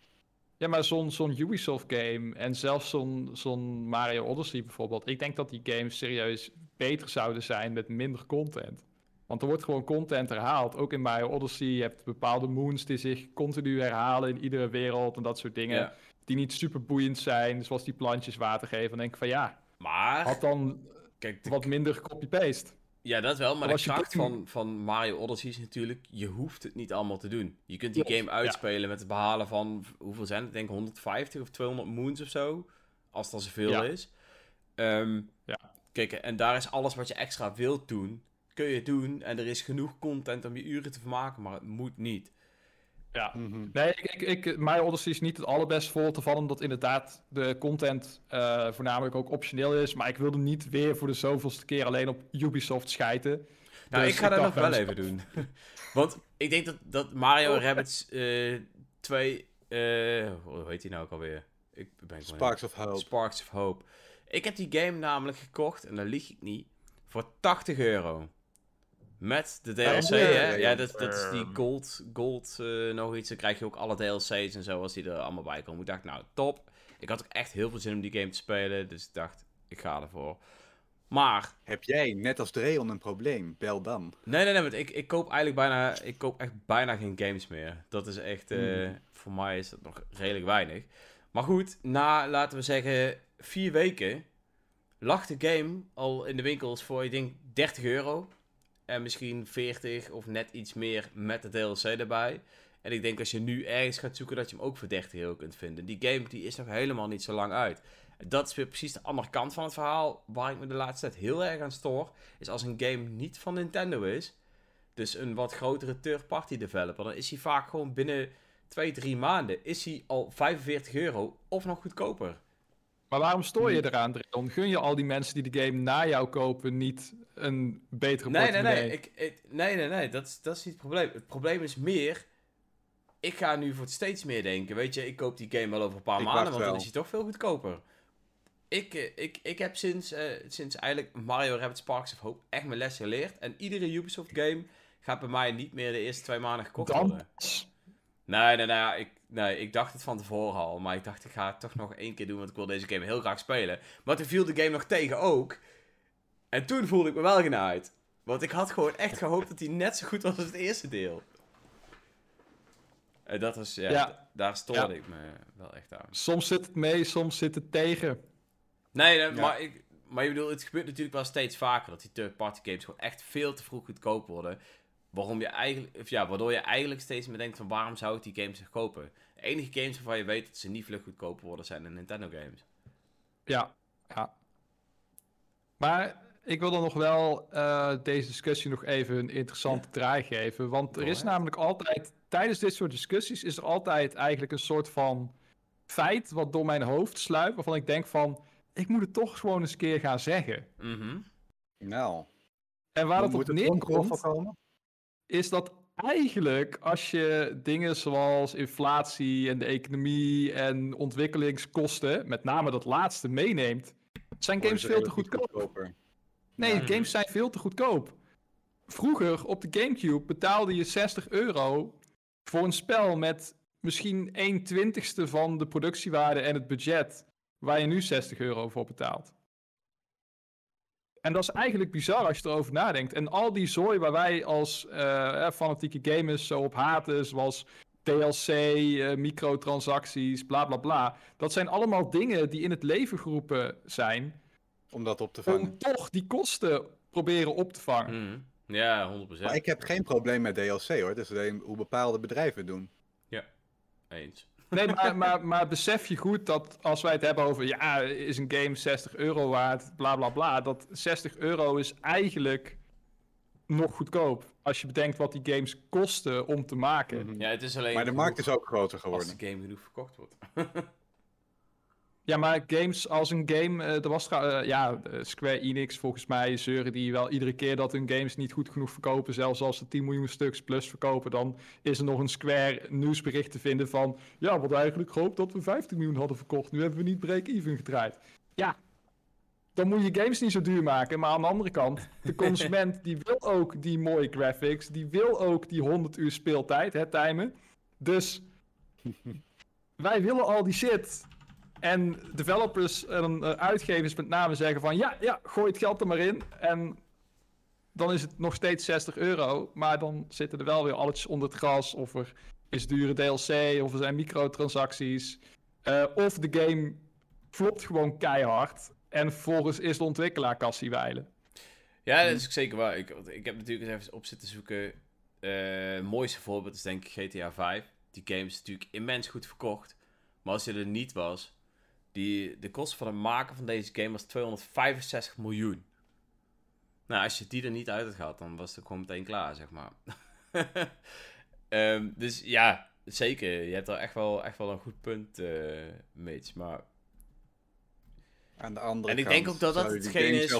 Ja, maar ik denk ook dat dat wel echt wel hetgeen is wat ze natuurlijk geleidelijk aan, vooral met de PlayStation 5 en de Xbox eh, en Knuckles, weet ik veel hoe Ja, doen, heet. die kosten willen ze er ook uithalen. En ze proberen ook eh, zoetjes aan die games gewoon standaard 70 en misschien dadelijk richting de 80 te halen. Om die kosten er nog uit te kunnen halen. Maar ehm, ja, het, het voelt, het, voelt, ehm, het voelt niet fijn als gamer natuurlijk. Het voelt niet fijn om je game steeds duurder eh, zien te worden. Nee, ik snap het. Eh, en ik vind op zich, ook al kun je natuurlijk wel het een en ander tegen inbrengen, dat de huidige eh, methode met DLC en microtransacties, eh, denk ik voor veel gamers te prefereren valt boven eh 80 of 90 euro of 100 euro betalen voor een, eh, voor een game. Mhm. Eh, tegelijkertijd is het ethisch natuurlijk wel wat twijfelachtig dat er dan een klein groepje mensen is dat psychologisch gevoelig is voor die microtransacties, die dan eigenlijk Opdraait ervoor zorgt rest. Dat, de rest, dat de rest van de mensheid gewoon lekker goedkoop hun games kan blijven kopen voor 60 euro. Dank jullie wel. Maar daar komt ook steeds meer wetgeving voor, hè? Dat eh, te laat, maar En misschien is dat wel de reden dat die games langzaam steeds duurder worden. Boem. Dat Sony voor die 70 euro gaat en misschien bij de PlayStation 6 voor 80 of 90 euro gaat. nou, ja, wat ik zei, er gaan natuurlijk steeds meer mankracht in zitten om die grafische sprongen te maken bij echt de, de, de grafische top of the bill games. Dus dat moeten ze inderdaad een keer ergens uitzien te halen. En, Aan de eh, andere kant, als ja. er straks eh, met AI of zo eh, heel veel van dat werk eh, kan worden weggehaald, of kan worden versimpeld, Hm. ben ik ook wel benieuwd wat dat eh, voor de ja, productiekosten dat, zou dat, doen. dat, dat is een discussie die we hier ook nog wel een keer moeten, Daar gaan we uh, moeten hebben. Dat is niks ook heel, heel interessant. Ik denk dat dat voor een andere keer is. Ja, dat is ook zeker niet een ding eh, waar wij als gamers gaan zien. Die ik wel absoluut de moeite waard vond. Dat is Ja. natuurlijk de Mario Kart 8 DLC, waar we twee weken terug Mhm. een nieuwe wave van hebben gekregen. Hebben we hem allemaal gespeeld, jongens? Ja, het is... eh, deze heb ik gespeeld, ja. Was leuk. En de andere niet? Oh Nee, ja, ik- zeker wel. Ik heb eigenlijk eh, niet iedere DLC iedere keer trouw gespeeld als, eh, wanneer die uitkwam. Nee, ik eh, heb eigenlijk al een tijdje geen Mario Kart meer gespeeld. Maar pas was eh, een kleine neef hier en dan is het leuk om Mario Ja, Kart dat is te leuk. spelen. Dus toen dacht ik, let's go. Hoe oud is die? Eh, zes. Oh, dat is een fantastische Mario Kart leeftijd. Ja, ja, ja, dat is eh geniaal. Speelt hij Oh, met moet- of zonder eh stuurhulp? Wilde zonder, maar ik heb hem weer aangezet. Zo, jij kunt hem hij, niet. hij, wilde, hij, wilde zelf, hij wilde zelf zonder. Oké, dat is een goed teken. Nou, dat, Ja. dat, hij Maar is het- wel familie van jou, dat, dat hoor je nu niet. al. Maar het ging niet, dus ik heb hem weer aangezet. Merkt heel dat erg zeg dat, ik, hij is ehm, familie van jou.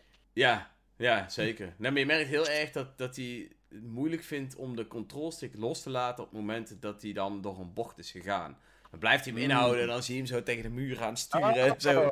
Dus dat, Grappig. dat moet nog even, hè, nog even loskomen. Maar dat is eh, ja, superleuk natuurlijk. En eh, dat is eigenlijk de eerste keer sinds lange tijd dat ik Mario Kart weer gespeeld heb. Maar het zijn leuke nieuwe levels. Ik was wel echt, eh, echt verrast. Sowieso Ja, deze alles. wave is, eh, is van, van hoge kwaliteit. Ja, Ja, Sowieso is nice. natuurlijk leuk Ja. dat we door onze eigen hoofdstad kunnen rijden. Ja, is dat ook... eh, wa- wat zijn jullie favoriete banen zo'n beetje? Oeh, Wat voor jullie de, echte highlight?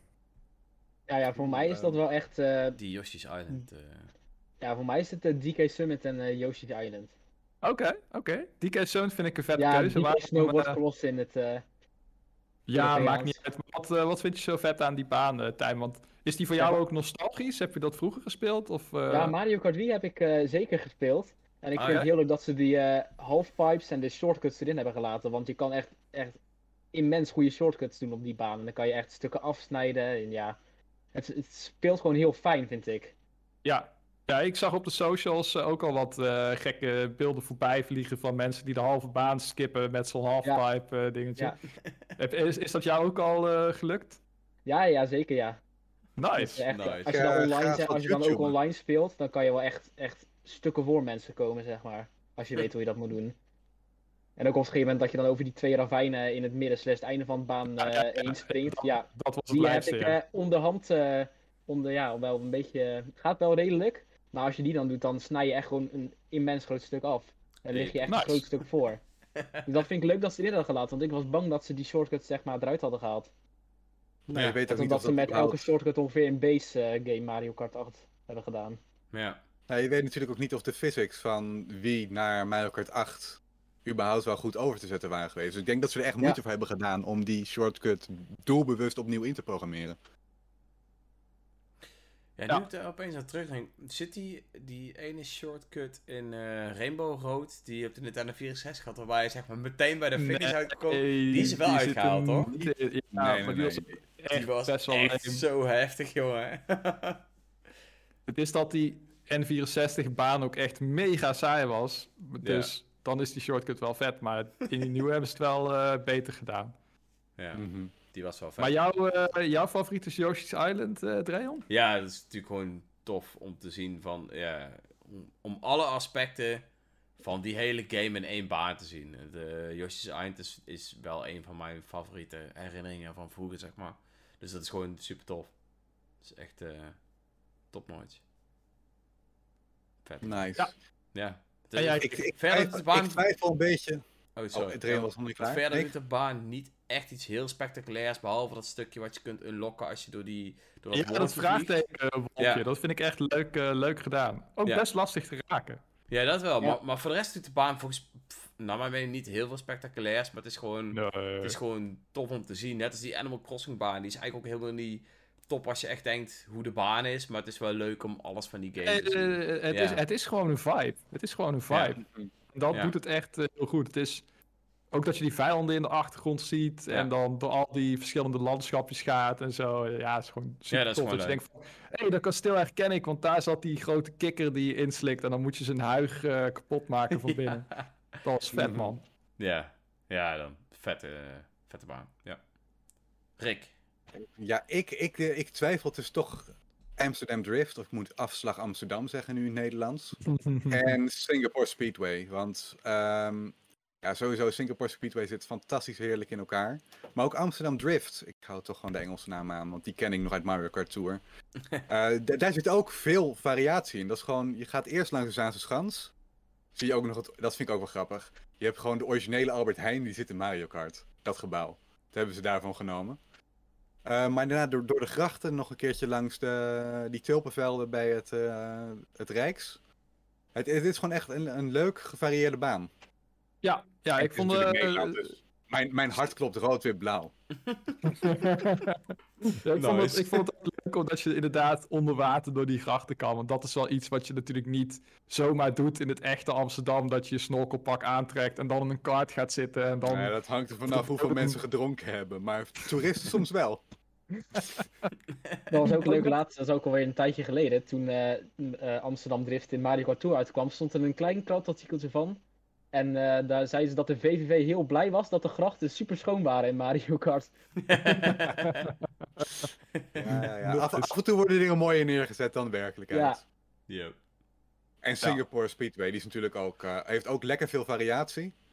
Ook die, ehm, ja, hoe heet dat? Eh, een soort van. eh, die tracks waar, je, waar het circuit zelf eh, lopende banden zeg maar, zijn. Dat je dan nog even extra, een extra snelheidsboost kan, boost kan pakken. Mhm. En het is natuurlijk visueel eh, Singapore by Night. Dat, dat is gewoon lekker. Cool. Ja, en Ja, dan ik- pak je ook nog net eventjes dat, dat Old Town eh, Chinatown stukje mee. Dat, het is gewoon lekker, leuke variatie. Niet dat je drie, drie keer hetzelfde rondje... eh, Ja, die, dat die, baan is, eh, die baan vind ik ook heel nice. Singapore Speedway. Voor mij gaat het een beetje tussen Singa- Singapore Speedway en, eh, en Yoshi's Island. De een voor de nostalgie en de presentatie en de ander voor de variatie en de vette muziek ook wel. Want Singapore Speedway is wel echt een bob. Wat ook wel leuk is, is dat ook de muziek in dat eh, China-gedeelte in eh, Singapore, dat verandert ook. De stijl ervan. Oh, Ja, dat moet je, maar eens, Oh. eh, moet je maar eens opzoeken. Maar de muziek verandert dan naar de traditionele Chinese muziek. ja, ja, ja, Oh, oh, dat, is, dat is de gedaan. stijl Dat wist ervan. ik. eh. Ja, zeg maar, Nice. dat level van detail dat ze erin stoppen, dat is gewoon echt gewoon leuk om te zien. Nice. Ja, ik zag net ook iemand in de chat. Ik weet even niet wie dat was. Ik zie daar... Apenknul was dat, onze eigen Alfons. Die was ook heel blij met de toevoeging van Burdo. Oh ja, ja. Die vergeet ik steeds, maar dat klopt. Die is ook nieuw. Ja, En sowieso over het algemeen is het leuk dat ze echt met de update alles gerebalanced hebben.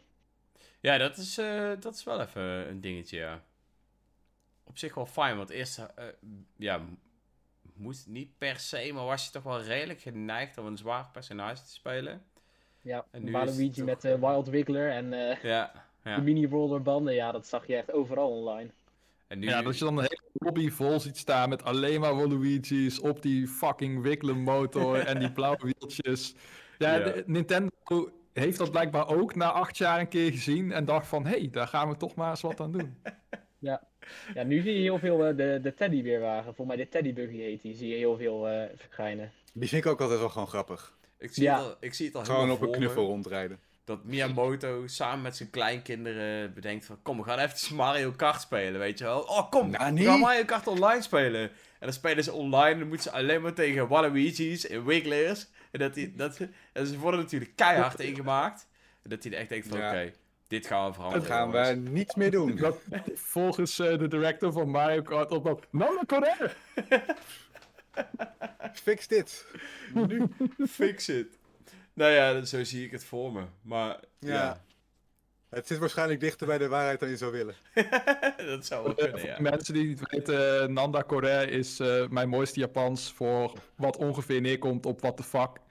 Dus Nou, nou, nou, nou, nou. Mitch, wat een taalgebruik. en Willem is weg, hè, dus mogen we eindelijk los. Waar is het bier? Nee. Nee, grapje hoor. Hou bij je, eh, Willem. En wij zijn een echt koffiehuis. Hey, eh... Ja, ik heb zelfs water. Oh, ik ook. Want mijn koffie is op. Ik ben eh, tot slot eigenlijk wel eventjes benieuwd wat wij allemaal spelen. Jullie zijn natuurlijk keihard bezig met Bayonetta Origins. Maar eh bijna meer aan het spelen, Mitch? Ja, Nou, ik eh, ben eigenlijk veel meer geïnvesteerd in een eh, andere game, namelijk eh Danganronpa Oeh, V3. vertel.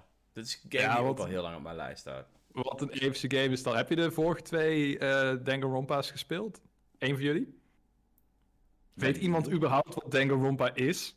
Ik weet dat we in onze Ja. publieke Koopa Café Discord iemand hebben zitten Monokuma. met een nickname die uit die serie komt. En dat is zo'n beetje alles wat ik weet. Mhm. Nou, om heel kort te gaan, eh Danganronpa is een eh, visual novel eh, met een heel sterk concept. Namelijk, je hebt 16 eh, studenten in een school. Ze hebben allemaal een uniek eigen talent. Mhm. En ze worden eigenlijk gegooid in een leven of dood situatie, namelijk een moordspel. De Killing Game heet dat.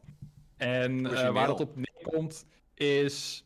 Het is een soort dilemma. Eh, ze zijn namelijk opgesloten op die school en ze komen er nooit meer uit. En de enige manier om eruit te komen is door iemand te vermoorden. Dus je moet een van je medestudenten vermoorden. En vervolgens niet gepakt worden. Want als je Mm, wel gepakt wordt, dan word je zelf geëxecuteerd. Oké. En eh, wat er dan gebeurt is, er wordt een moord gepleegd. Het is altijd weer de vraag wie het is. En vervolgens ook wie de dader is. Mhm. En dan verzamel je bewijs. Dus dan is het een beetje een soort van detective game. Dus je gaat naar de crime scene, je doet dit en dit en dat. En dan eh, wordt er tijdens een, eh, soort van eh, rechtszaak, als het ware, een soort van rechtbank, gaan dan de studenten eigenlijk met elkaar in gesprek om te stemmen op eh, degene die zij denken dat de dader is. En Mhm. dat is echt heel vet gedaan, want Klinkt best tof, ja. in tegenstelling tot Phoenix Wright, waarin je dus in een echte rechtbank tussen haakjes staat en er is een rechter en mensen worden het woord gegeven en zo is het hier gewoon echt gewoon een, een non-stop debat. Dus mensen roepen dingen naar elkaar en jij moet dan statements eh, ontleden als het ware. Dat is echt heel vet gedaan, want in plaats van dat je dus één getuige hebt die je ondervraagt, zijn er dus gewoon continu acht mensen, 16 mensen, 12 mensen. Hoe verder je in de game komt natuurlijk, hoe minder, het er Minder, wordt. ja, ja. Maar die zijn continu aan het praten. En jij moet in al die chaos, moet jij dus eh, ja, toch de waarheid zien eh, te vinden. En de stakes zijn gewoon heel hoog. Want als, als alle studenten het fout hebben, dan gaat dus de moordenaar vrij uit en wordt de rest vermoord. Maar als ze het goed hebben, dan wordt alleen de moordenaar vermoord. En dan leven zij weer een nieuwe schooldag. Dus het is heel Mhm. fucked up. En wat het dan helemaal compleet maakt, is... eh Dreon refereerde er al naar, maar er is dus een karakter genaamd Monokuma. En dat is een zwart-witte teddybeer met een sadistische grijns... die dit hele fucked up spel eigenlijk als het ware eh, leidt. En die is Mhm. gewoon heel grappig geschreven. En het is een echte klootzak. En je gaat echt van hem houden. eh, en hem haten. Maar het is, echt, het is echt een hele vette game. En je bent echt heel geïnvesteerd in het verhaal. Je denkt iedere keer van... Oh, ik speel nog heel even door. Want, en dan komt er weer een nieuwe twist. En voor je het weet ben je zo een paar uur verder. En ja, het is, eh, het is echt een hele vette game. Ja, ik, ik, ik had natuurlijk al meegekregen dat iedereen hier eh, helemaal lyrisch over is. Maar toen dacht ik, oké, ik ga die games in ieder geval vast op mijn wenslijst zetten. Mhm. Maar de titels van, Van hoeveel die games... pagina's? Ik zie Danganronpa, Trigger Happy Havoc Anniversary Edition, Goodbye Despair Anniversary Edition. Met welk deel moet je beginnen? Ja, het is, heel, het is eigenlijk heel simpel. Eh Danganronpa uh, Trigger, Happy, Trigger Happy Havoc. Dat Mhm. is de subtitel van het eerste deel. Alleen iedereen noemt het gewoon Danganronpa. Dan heb je Danganronpa 2, Goodbye, Despair. Ik, ik, ik vergeet zelf die subtitels altijd. Ik noem het altijd gewoon Danganronpa, Danganronpa 2. En dan heb je Danganronpa V3. Ja, waarom is die V voor gezet? Omdat er een anime is die Danganronpa 3 heet. En die is heel matig. En die eh, sluit zeg maar het verhaal af van de originele cast als het ware. En deze Mhm. game start weer met een nieuwe cast. Dus daarom heet het V3 in plaats van 3. Niet te verwarren dus. In de Ehm. chat zegt Empire, Empire dat Trigger Happy Havoc de beste om te beginnen is. Hij zegt zelfs dat je Ja, het zeker. feit dat Ja. er overige delen zouden zijn, moet gewoon vergeten totdat je die hebt uitgespeeld. Oké.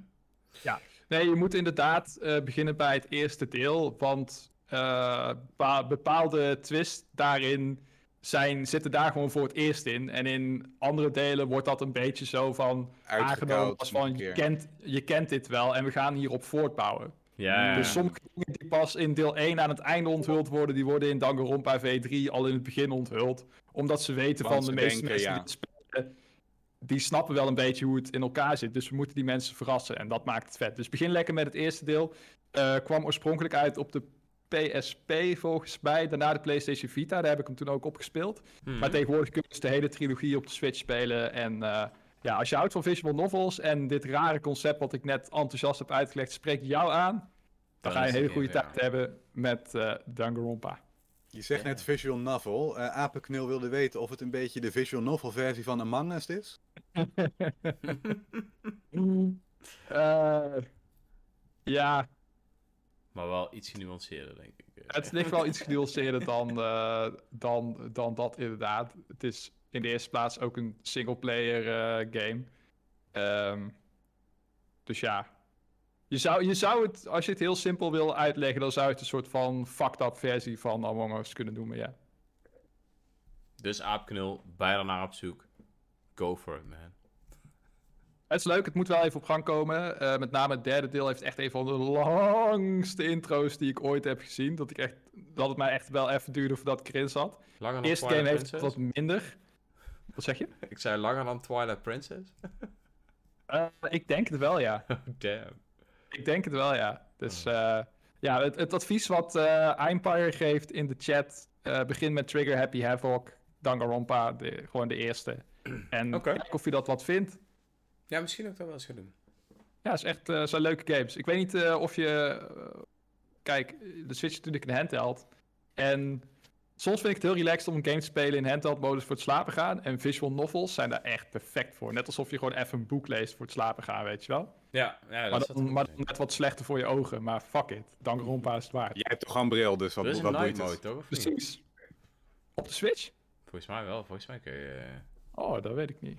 Ook op de OG Switch of alleen op OLED? Ik dacht die 2019 versie. Ik, weet ik weet Oh, in maar ieder ik heb de, dat, ik heb de OG Switch Lite... 2017. Ik heb, ik heb die wel eens naast mijn 2017 Switch gehouden toen ik hem nog had.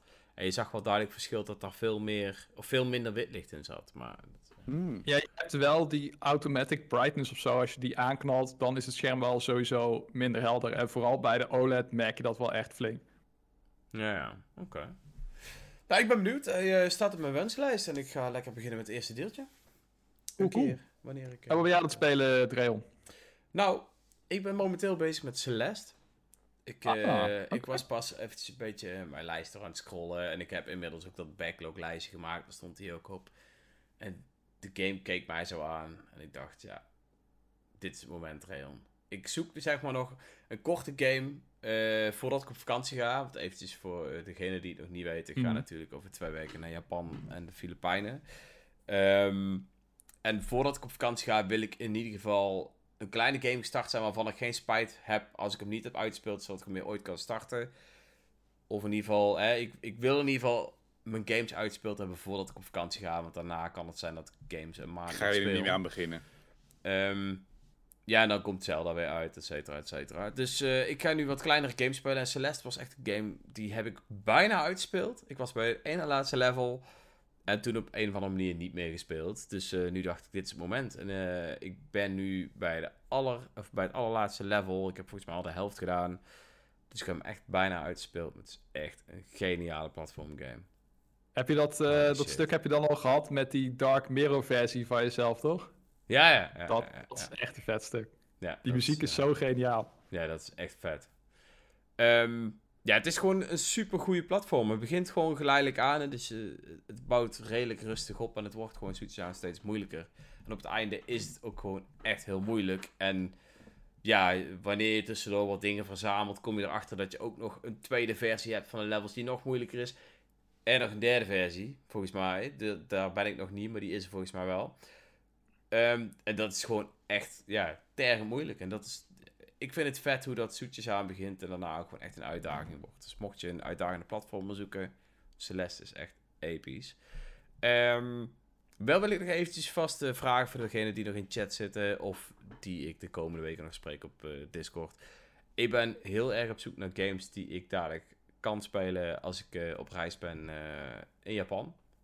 Dus eh, mocht je nog eh, In het vliegtuig of... eh, ja, en het vliegtuig in de, de Shinkansen. Want ik zit natuurlijk redelijk vaak in de trein voor een paar Mm. uur. Dus eh, ik zal wel tijd moeten doden. En dat zal voor een gedeelte zal dat zijn kijken wat we allemaal gaan doen in de volgende stad we komen. je vriendin zit niet naast je. Ook, nou ja, weet je, ik denk als je iedere dag zes uur samen in de trein zit, dat je op een gegeven moment ook al bent uitgepraat. En kaarten Oh ja, is dat ook niet meer leuk. Dus ja. nee, enough, ja. We, we zitten gewoon wel echt heel veel eh, tijd eh, te reizen. Paul, dus, eh, Paul heeft een goede tip voor je in de chat. Speel Nice. Blank in co-op. Nice, dat is misschien wel een goed idee, ja. Ik heb ook al wat... Ik denk alleen wel dat je dan na één treinreis klaar bent, maar het is wel, het Ja, maar dat wel leuke games. maar dat is ook prima, weet je. Ik zoek gewoon wat games om te spelen, samen met mijn vriendin en alleen en een beetje ja, om de beurt. Dus mocht je wat vette... Luigi Mansion 3 hebben al uitgespeeld, sorry. maar mocht je goed ideeën hebben, gooi ze op en eh, ja, dan kan ik misschien Tri wel... In de Strategy, eh, Triangle Strategy had je ook al gespeeld, toch, eh Dreon? Ja, die heeft hij gereviewd voor, ons. Oh ja, dat Ja. klopt, dat is waar. Ja. Nee, Was de, ik de toen nog een beetje pissig over? Nee. nee, de, nee, de, de, de, de twee games die ik afgelopen zomer in Portugal, eh, of in ieder geval het vliegtuig er naartoe veel gespeeld heb, en ook wel af en toe gewoon s'avonds als er even wat eh, downtime was, Triangle Strategy en eh, Kirby, eh, wat was het ook alweer? Eh, en de Vergeten Wereld. Vergeten wereld of Ook een toffe game Buffet? om gewoon even in het vliegtuig een paar leveltjes eh, te doen. Ik heb eh, nog één backlog game die ik eh, sowieso ga meenemen, dat is deze. Persona 5. Oh damn, dan ben je de hele vakantie gewoon klaar. Ja, dus dat zou eh, een optie kunnen zijn. Maar ik weet het nog niet zeker, omdat ik dan wel echt de hele Wel toepasselijk game om dat in Japan te doen. Ja, ook, wel- ook, wel weer, ja, ook wel weer een beetje classic voor als je naar Japan gaat. Dus ik weet nog niet zeker of dat ik dat wil, wil doen. Je moet, gewoon, je, je moet gewoon even die game vol volume zetten en dan gewoon gaan dansen op specialist in de trein. Ja. en dan Vinden de Japanners dat vast ook heel leuk. vinden, ja. You will Nee. never see it coming. Nee, ik weet het nog niet. Ik, eh, ik, ja, ik zoek nog wel leuke aanraders, maar eh, ik ben benieuwd. En eh, Rick, wat ben jij momenteel aan het spelen? Ja, en het is vooral wat ik ga spelen. Want eh, ik, ik heb het veel te lang uitgesteld. De e-shop, ook de laatste waarschuwing voor iedereen trouwens, die eh, is natuurlijk bijna einde verhaal op de 3DS en de Wii U. En er is nog één game die ik echt absoluut, eh, dus die ga ik vanavond dan eindelijk eens een keertje downloaden. Dan moet ik heel veel gedoe met, wat is het, van de ene... eh, ik, ik heb relatief recent mijn SD-kaart vervangen in mijn Switch, dus die gaat dan naar me, eh, die gaan allemaal eventjes één teertje omlaag, zodat ik ook ruimte ervoor heb om eh, dat te doen. Dat is even een hoop gedoe. Maar ik ga Professor Layton versus Phoenix Wright dan toch echt uit de e-shop redden. Die is tegenwoordig zo zeldzaam, die vind je tweedehands. Nou ja, als je hem voor 80 euro vindt, heb je geluk. Dus dat, Oh, Oké. da- dat wil ik gewoon nog echt wel eventjes voor normale prijzen dan maar in de e-shop eh, Mhm. Ik weet dat onze Nes van de redactie daar ook mee bezig is. Die was iets eerder bij. Die heeft nog kans dat ze de DLC kan veilig eh, stellen. Ik denk niet dat mij er meer gaat lukken. Oh, dat kan Maar het is de laatste toch? Hm? Nee, je kan hem pas echt downloaden, die DLC, nadat je de main story hebt uitgespeeld. Dus dat, eh, dus dat ga ik. eh, dit is de laatste Layton game die ik eh, nog moet doen. Ik heb hem destijds uitgesteld omdat ik dacht van joh, Ace Attorney. Het is natuurlijk een crossover tussen Layton en Ace Attorney. En ik heb nog, nooit, nog steeds geen Ace Attorney game gespeeld. Maar dat wilde ik altijd nog een keertje doen. En ik dacht altijd van joh, ik wacht ermee tot ik beide series ken, want dan is het leuker. Mhm. Maar eh, dat ga ik nu eh, toch echt eventjes eh, regelen. Want ik, ik wil hem wel, zeker nu er ook een nieuwe Layton weer in aantocht is. Hebben we denk ik een volgende keer nog over. Want we zitten nu al een beetje aan de tijd. Er was natuurlijk ook nog een presentatie over. Ja. Dus ik, ik ga hem weer helemaal... Ik, ik merk het ook in mijn YouTube-algoritme. Er zit plots zoveel Layton weer terug in, eh, in alles. Ik merk ook dat eh, de, de fanbase die is weer helemaal eh, opstoken in... eh, Op stoom. op stoom in. Ja, hey. Nice, Mitch. En, eh Oeh, Apenknul zegt nu dat Ace Attorney Trilogy voor 15 euro in de e-shop op de Switch, denk ik dan, eh, Alfons? Ja. Ja, klopt. Kopen. Nou ja, ik, ik ga sowieso eh, nog eventjes mijn e-shop te goed aanvullen. Dus het zou zomaar kunnen dat ik dat tegelijk even bijpak. Voor Ace Attorney Trilogy is 30 euro. En eh The Great Ace Attorney Chronicles is in 1999. Nou ja, ik zal nog eventjes kijken. Maar ik ga in ieder geval eh, weer met eh, de laatste leten aan de slag. Nice. Dus eh, je gaat hem ook echt meteen eh, spelen, eh, Professor Layton versus Ace Attorney. Want op zich, ik zat te denken toen je dat zei, want aan de ene kant is het inderdaad leuker als je beide series kent. Aan de andere kant kan het misschien ook wel een leuke tussenstap zijn voordat je aan Ace Attorney begint. Mhm. Dat je alvast een klein beetje hebt gezien van, hé, hey, dit is meer de Ace Attorney-achtige gameplay. Dat je daar alvast een soort Ja. van hebt van kunnen proeven. Ja, ik ga hem denk ik wel doen, want dan als ik hem eenmaal heb, ik heb er zo lang hem uitgesteld. En ik weet ook, ik, die soundtrack van die game is fenomenaal. Dus ik ga hem gewoon lekker met, eh, ik zet headphones op. Ik stof mijn 3DS weer eens af. En dan eh, waarschijnlijk wel let's go. Gewoon gelijk gaan. Nice man. Vet. En eh Tijmen, wat eh, speelt u zoal? Ja, ik ben natuurlijk ook bezig met eh Bayonetta Origins. Maar ja, ik ben eh, zo iemand die dan tussendoor gewoon altijd weer eh, een keertje terug gaat naar een, eh, ja, heel simpel, een Mario Kart of een Splatoon. Mhm. Dat eh er zijn, mij zijn die games ook echt- voor. Ja, dat is voor mij inderdaad, en voor heel veel andere mensen waarschijnlijk ook een spel waar je echt vaak bij terugkomt als je even niks te doen hebt of zo. En eh, dit weekend ga ik ook met wat, eh, een paar vrienden van me die zeldzaam ook een Switch hebben, want het zit vol met PS4 in mijn eh, leeftijdscategorie. Ai. Ook nog eh Ja, aan de slag ja, ja. met eh, Ja, Mario Kart, dus eh, ja. Het is eh, heel Ja, veel dat- PS4 eh, in mijn eh, leeftijdsomgeving. Maar Ja, eh, dat er merk zitten je een paar wel. zeldzame bij, net als ik met een eh, Switch, dus dat is wel leuk. eh. Nice. Die leeftijd, Nintendo is voor kinderen, is kinderachtig. Buh. Oh mijn god. Nou, dan moet Lekker- je, moet je lekker maar laten zien, dan piepen ze wel Ja. anders. Nee. Het, het mooie was toen ik ging studeren, toen kwamen ze er allemaal op terug. Toen zaten ze gewoon, Ja, dan zat ik in de coffeeshop, en iemand gewoon zijn switch bij. Hé, hey, laten we Worms gaan spelen. Ja, ja, ja. oh man. en eh Tim, wat vind je van het nieuwe bloei- bloeiseizoen? eh, dat ze aan Splatoon Ik 3 vind hebben e- toegevoegd? Ehm, de nieuwe maps die ze toe hebben, eh, toe hebben gevoegd en ook een paar veranderingen die ze aan de oude maps hebben gedaan, die zijn wel echt ja, goed, zeg maar. En ja, voor mij Manta Maria heet het van Splatoon 2, is ook wel leuk om terug te zien. Ook Hmm. altijd wel op zich een leuke map en ook de veranderingen die ze daaraan hebben gedaan, die zijn gewoon allemaal Dat ja, dat eh, schip, goede toch? quality, ja, goede quality of life improvement, zeg maar, over het algemeen. En nieuwe wapens, een paar heb ik al uitgeprobeerd. Ook eh, nieuwe versies op bestaande wapens. Ja, het is gewoon leuk om eh, gewoon, ja, blijvende updates te zien voor het spel. Dat het blijft, ja, het is ook weer een reden waarom ik het blijf spelen, zeg maar. Houdt het wel Mhm. fresh. Ja, precies. ja, in, in het Engels heet het ook Fresh Season, hè, dus... I knew. Ja, echt, het is echt een vreemde vertaling. Ja. Bloeiseizoen. Maar versseizoen zou ook weer dom klinken. Dus ik snap wel dat ze voor iets anders zijn gegaan van... Yo, dat is vers, man. Hmm. Ja, nee, dat is Ja. natuurlijk ook eh, zeg maar slang in, in universe. Dus dat willen ze waarschijnlijk ook niet met elkaar. eh. Maar de Engelse, Eng- Engels is het wel gewoon fresh season. Ja, Hmm. Fris seizoen, zegt Paul. Dat Ja, zou ik ook wel een goede hebben gevonden. Fris seizoen. Ja, maar dat komt waarschijnlijk dan weer te dicht bij eh bibberseizoen. Want als het fris is, ga je bibberen. En ik weet niet hoe Nintendo Ah. Nederland erover denkt, maar... Ja, we hebben daar ooit een keer een podcast over gedaan. En wat ik toen had begrepen is dat ze daar echt een handboek hebben met... eh, eh, ja, wat wel en Regels. niet eh, kan, zeg maar, als het ware, als het aankomt op dat soort vertalingen. En een soort van ja, gestroomlijnd schema hebben van hoe ze tot bepaalde dingen komen. Dus er zal goed Ja. over nagedacht zijn over het bloeiseizoen. Dat kun je wel Over het algemeen zijn de vertalingen best wel goed. Het is alleen dat ik er zoiets van heb van ja, ik ben Engels gewend, dus alles klinkt dan in Nederlands raar. Ja, Maar Ja. ehm, Ja, mijn Switch staat nog steeds mooi in het Engels. ja ik heb Zeg dat ook als het, ik, heb, eh, ik heb mijn Switch ook naar het Engels gezet, want sommige Nederlandse namen kon ik echt niet tegen. Want ik ben, ja, ik, misschien ben ik de enige, maar ik vind Amsterdam Drift echt beter dan Amsterdam Afslag. Sowieso Mario Kart en zeker. de namen van de nieuwslezers in Splatoon 2, dat is dan in het eh, Engels is het dan Pearl en Marina, in het Nederlands is het Lorelei. En dan denk ik zo van, hoe kom je erop? Ja. ja of, of Muriel. Ja. Muriel, ja. Oh ja. En dat ja, nee, vind ik echt dat, eh, heel erg om aan te zien. Dus dan, dat, ja. dat, dat, dat is toch een naam voor een oma of zo?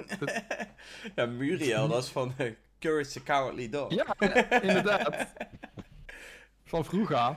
Nee, Ja. maar inderdaad, het is gewoon een naam die in Nederland niet aan jonge mensen geeft, in ieder geval. Er is niemand onder de 40 Of hier de, die of de Muriel heet. kinderbescherming komt bij je langs. Als, Ja. als, als, als er wel iemand is in Nederland onder de 40 die Muriel heet, dan meld je eventjes. Eh, dat Dat vind ik kun je nazoeken trouwens. Rick gaat Nee, maar kijken. goed. eh, goed om te horen in ieder Ja. geval dat het bevalt, eh Tijmen. Ik heb Ja. hem zelf nog niet eh, gespeeld. Het eh, fris, fresh Hmm. of blue seizoen, hoe je het ook wil noemen. Eh, maar ik denk wel dat ik hem eh, volgende week ga, ga streamen. Nice. Splatoon 3 weer een keertje. Dus dan eh, gaan we er vanzelf achter komen hoe fresh dit seizoen is. ook wel echt een Ja. aanrader is om sowieso de Kraken Royale uit te proberen, de nieuwe special. Die is wel echt heel vet. Oké, oh, er is een nieuwe special. Ja, twee nieuwe specials, ja. Dus voor Ja, mij, is voor mij is het net iets te overpowered op dit moment. Maar ja, hij is wel echt heel leuk om mee te spelen, zeg maar. Die Kraken komt eigenlijk uit Splatoon 1, toch? Ja. Ja, komt uit Splatoon Ja. 1, ja. Ah, hij is wel redelijk leuk, aangepast, ook met een nieuwe movement zoals eh, Squid Roll en Squid Search. Geen hoe het in het Nederlands heet eigenlijk. Maar, Hmm. Weet ik ook niet. maar het is echt leuk om mee te spelen daarmee. Ja, de voorschutter, die is... eh mwah, daar heb ik een beetje gemixte gevoelens over. Ik zie het nutten nog niet heel goed van in, zeg maar. hm. Ja, want Want daarmee... die bommetjes die hij afschiet, die zijn heel makkelijk kapot te maken. En ja, het is een... Dan is de ja, hele, het hele nut eruit. Ja, Ik eh, ben heel benieuwd of dat er nog naartoe Ja. komen. Voordat Ik heb eh, eh bloeiseizoen ook nog niet eh, sinds dat eh, online is eh, gedaan. Dus eh, ik ben ook benieuwd. Waarschijnlijk pas als dat bedrijfseitje. Eh, ja, dat lijkt me ook Ja, wel die, leuk. vond ik, die, vond, die vond ik wel leuk bedacht in de Ja, Nederlandse eh, vertaling. Nee.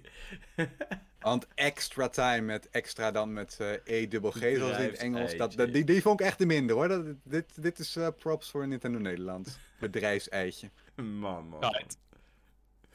Oké. ga ik waarschijnlijk weer terug. Hé, maar jongens, dit was hem. Dat was hem voor vandaag. Ik, eh, Yes. ik wil nog even vermelden dat ik eh, de komende maand 100% afwezig zal zijn. Dus eh, de komende twee podcasts zullen zonder mij zijn. Waarschijnlijk zal Mitch hem gaan hosten. Als hij dat allemaal werkend krijgt. Als. Als. Wanneer? We, we, gaan, we gaan in ieder geval een poging doen Ja. om het op te vangen. Om de enorme leegte van Dreon eh, op te vullen. Op te En vullen. nu zingen we met z'n allen. Dag, lieve Dreon, dag, dag. Nou jongens, Hij is toch ik ben- Klaas, jongen? ik ben echt niet weg hoor. Want, Maar hij eh, komt wel terug. Ik ga de Discord helemaal vol spammen, waarschijnlijk met foto's eh, uit Japan, dan wel de Mhm. Filipijnen. Vooral Ja, Nintendo World. een uh, ik heb uitgebreid een, verslag van Super Nintendo World. ja, ik heb Ja, een daar gaan we kaartjes hier wel heb even ik, dus voor, eh. het is 100% zeker dat we gaan. Nice. Ik heb zelfs dat bandje en eh, allemaal sick Zo. overpriced natuurlijk, maar we hebben het wel. Dus ik ben heel stoer. benieuwd naar de hele ervaring. Ja, nee, maar goed, Ja. als je daar eenmaal bent, dan kun je ook beter gewoon voor de volledige ervaring gaan. Ja, dat dacht ik Hoe ook. kom je daar nou? Dacht ik ook, want eh, het is En, sowieso ehm, duur. Dan kan het nog maar net zo goed ietsje duurder zijn. Ja, ik weet niet of jij eh, en of je vriendin ook fan zijn van Harry Potter, maar sowieso Kan ook ook, dat themagebied daar eh, Dat eh, hebben zeker niet missen. Kijk, het vervelende, of het vervelende, het rare is, je koopt een kaartje voor Universal Studios. Mhm. Ehm, daarbij moet je dus ook een express pass kopen voor een paar rides uit de Nintendo World. En volgens mij ook een paar rides uit die Harry Potter World voor de ja, zekerheid. dat, Want lees, dat zijn de hebt- populairste. Ja, en als je Anders die je niet niet hebt in. en het is te druk in het park, kom je er niet in. En nu heb je in ieder geval bepaalde gereserveerde tijden. Dus Mhm. ehm, ja, nu kunnen we daar in ieder geval eh, zeker weten heen. En, eh, Ja. Aight. En er is natuurlijk ook een eh, parade met eh, onder andere Mario Kart en Pokémon erin. Dus ik, Dat je, eh, al, eh, dat je even alle Nintendo dingen meeneemt, maar eh, daar eh, val ik je nog wel even mee lastig voor je dat gaat. is goed, dat is goed. Hou ons in ieder geval lekker Ja. op de hoogte van je avontuur, Dreon. En eh, deel wat vet foto's en filmpjes eh, in de Coopercafé eh Discord. Ja, komt helemaal goed. Dus eh, nou, ik eh, ga je in ieder geval ontzettend missen de komende maand. Allemaal. Maar eh, daarna ben ik er natuurlijk gewoon weer terug. Dus eh, voor mij niet tot over twee weken. Maar eh, voor jullie natuurlijk wel. Ik zou zeggen, Zeker. later! Later. Later.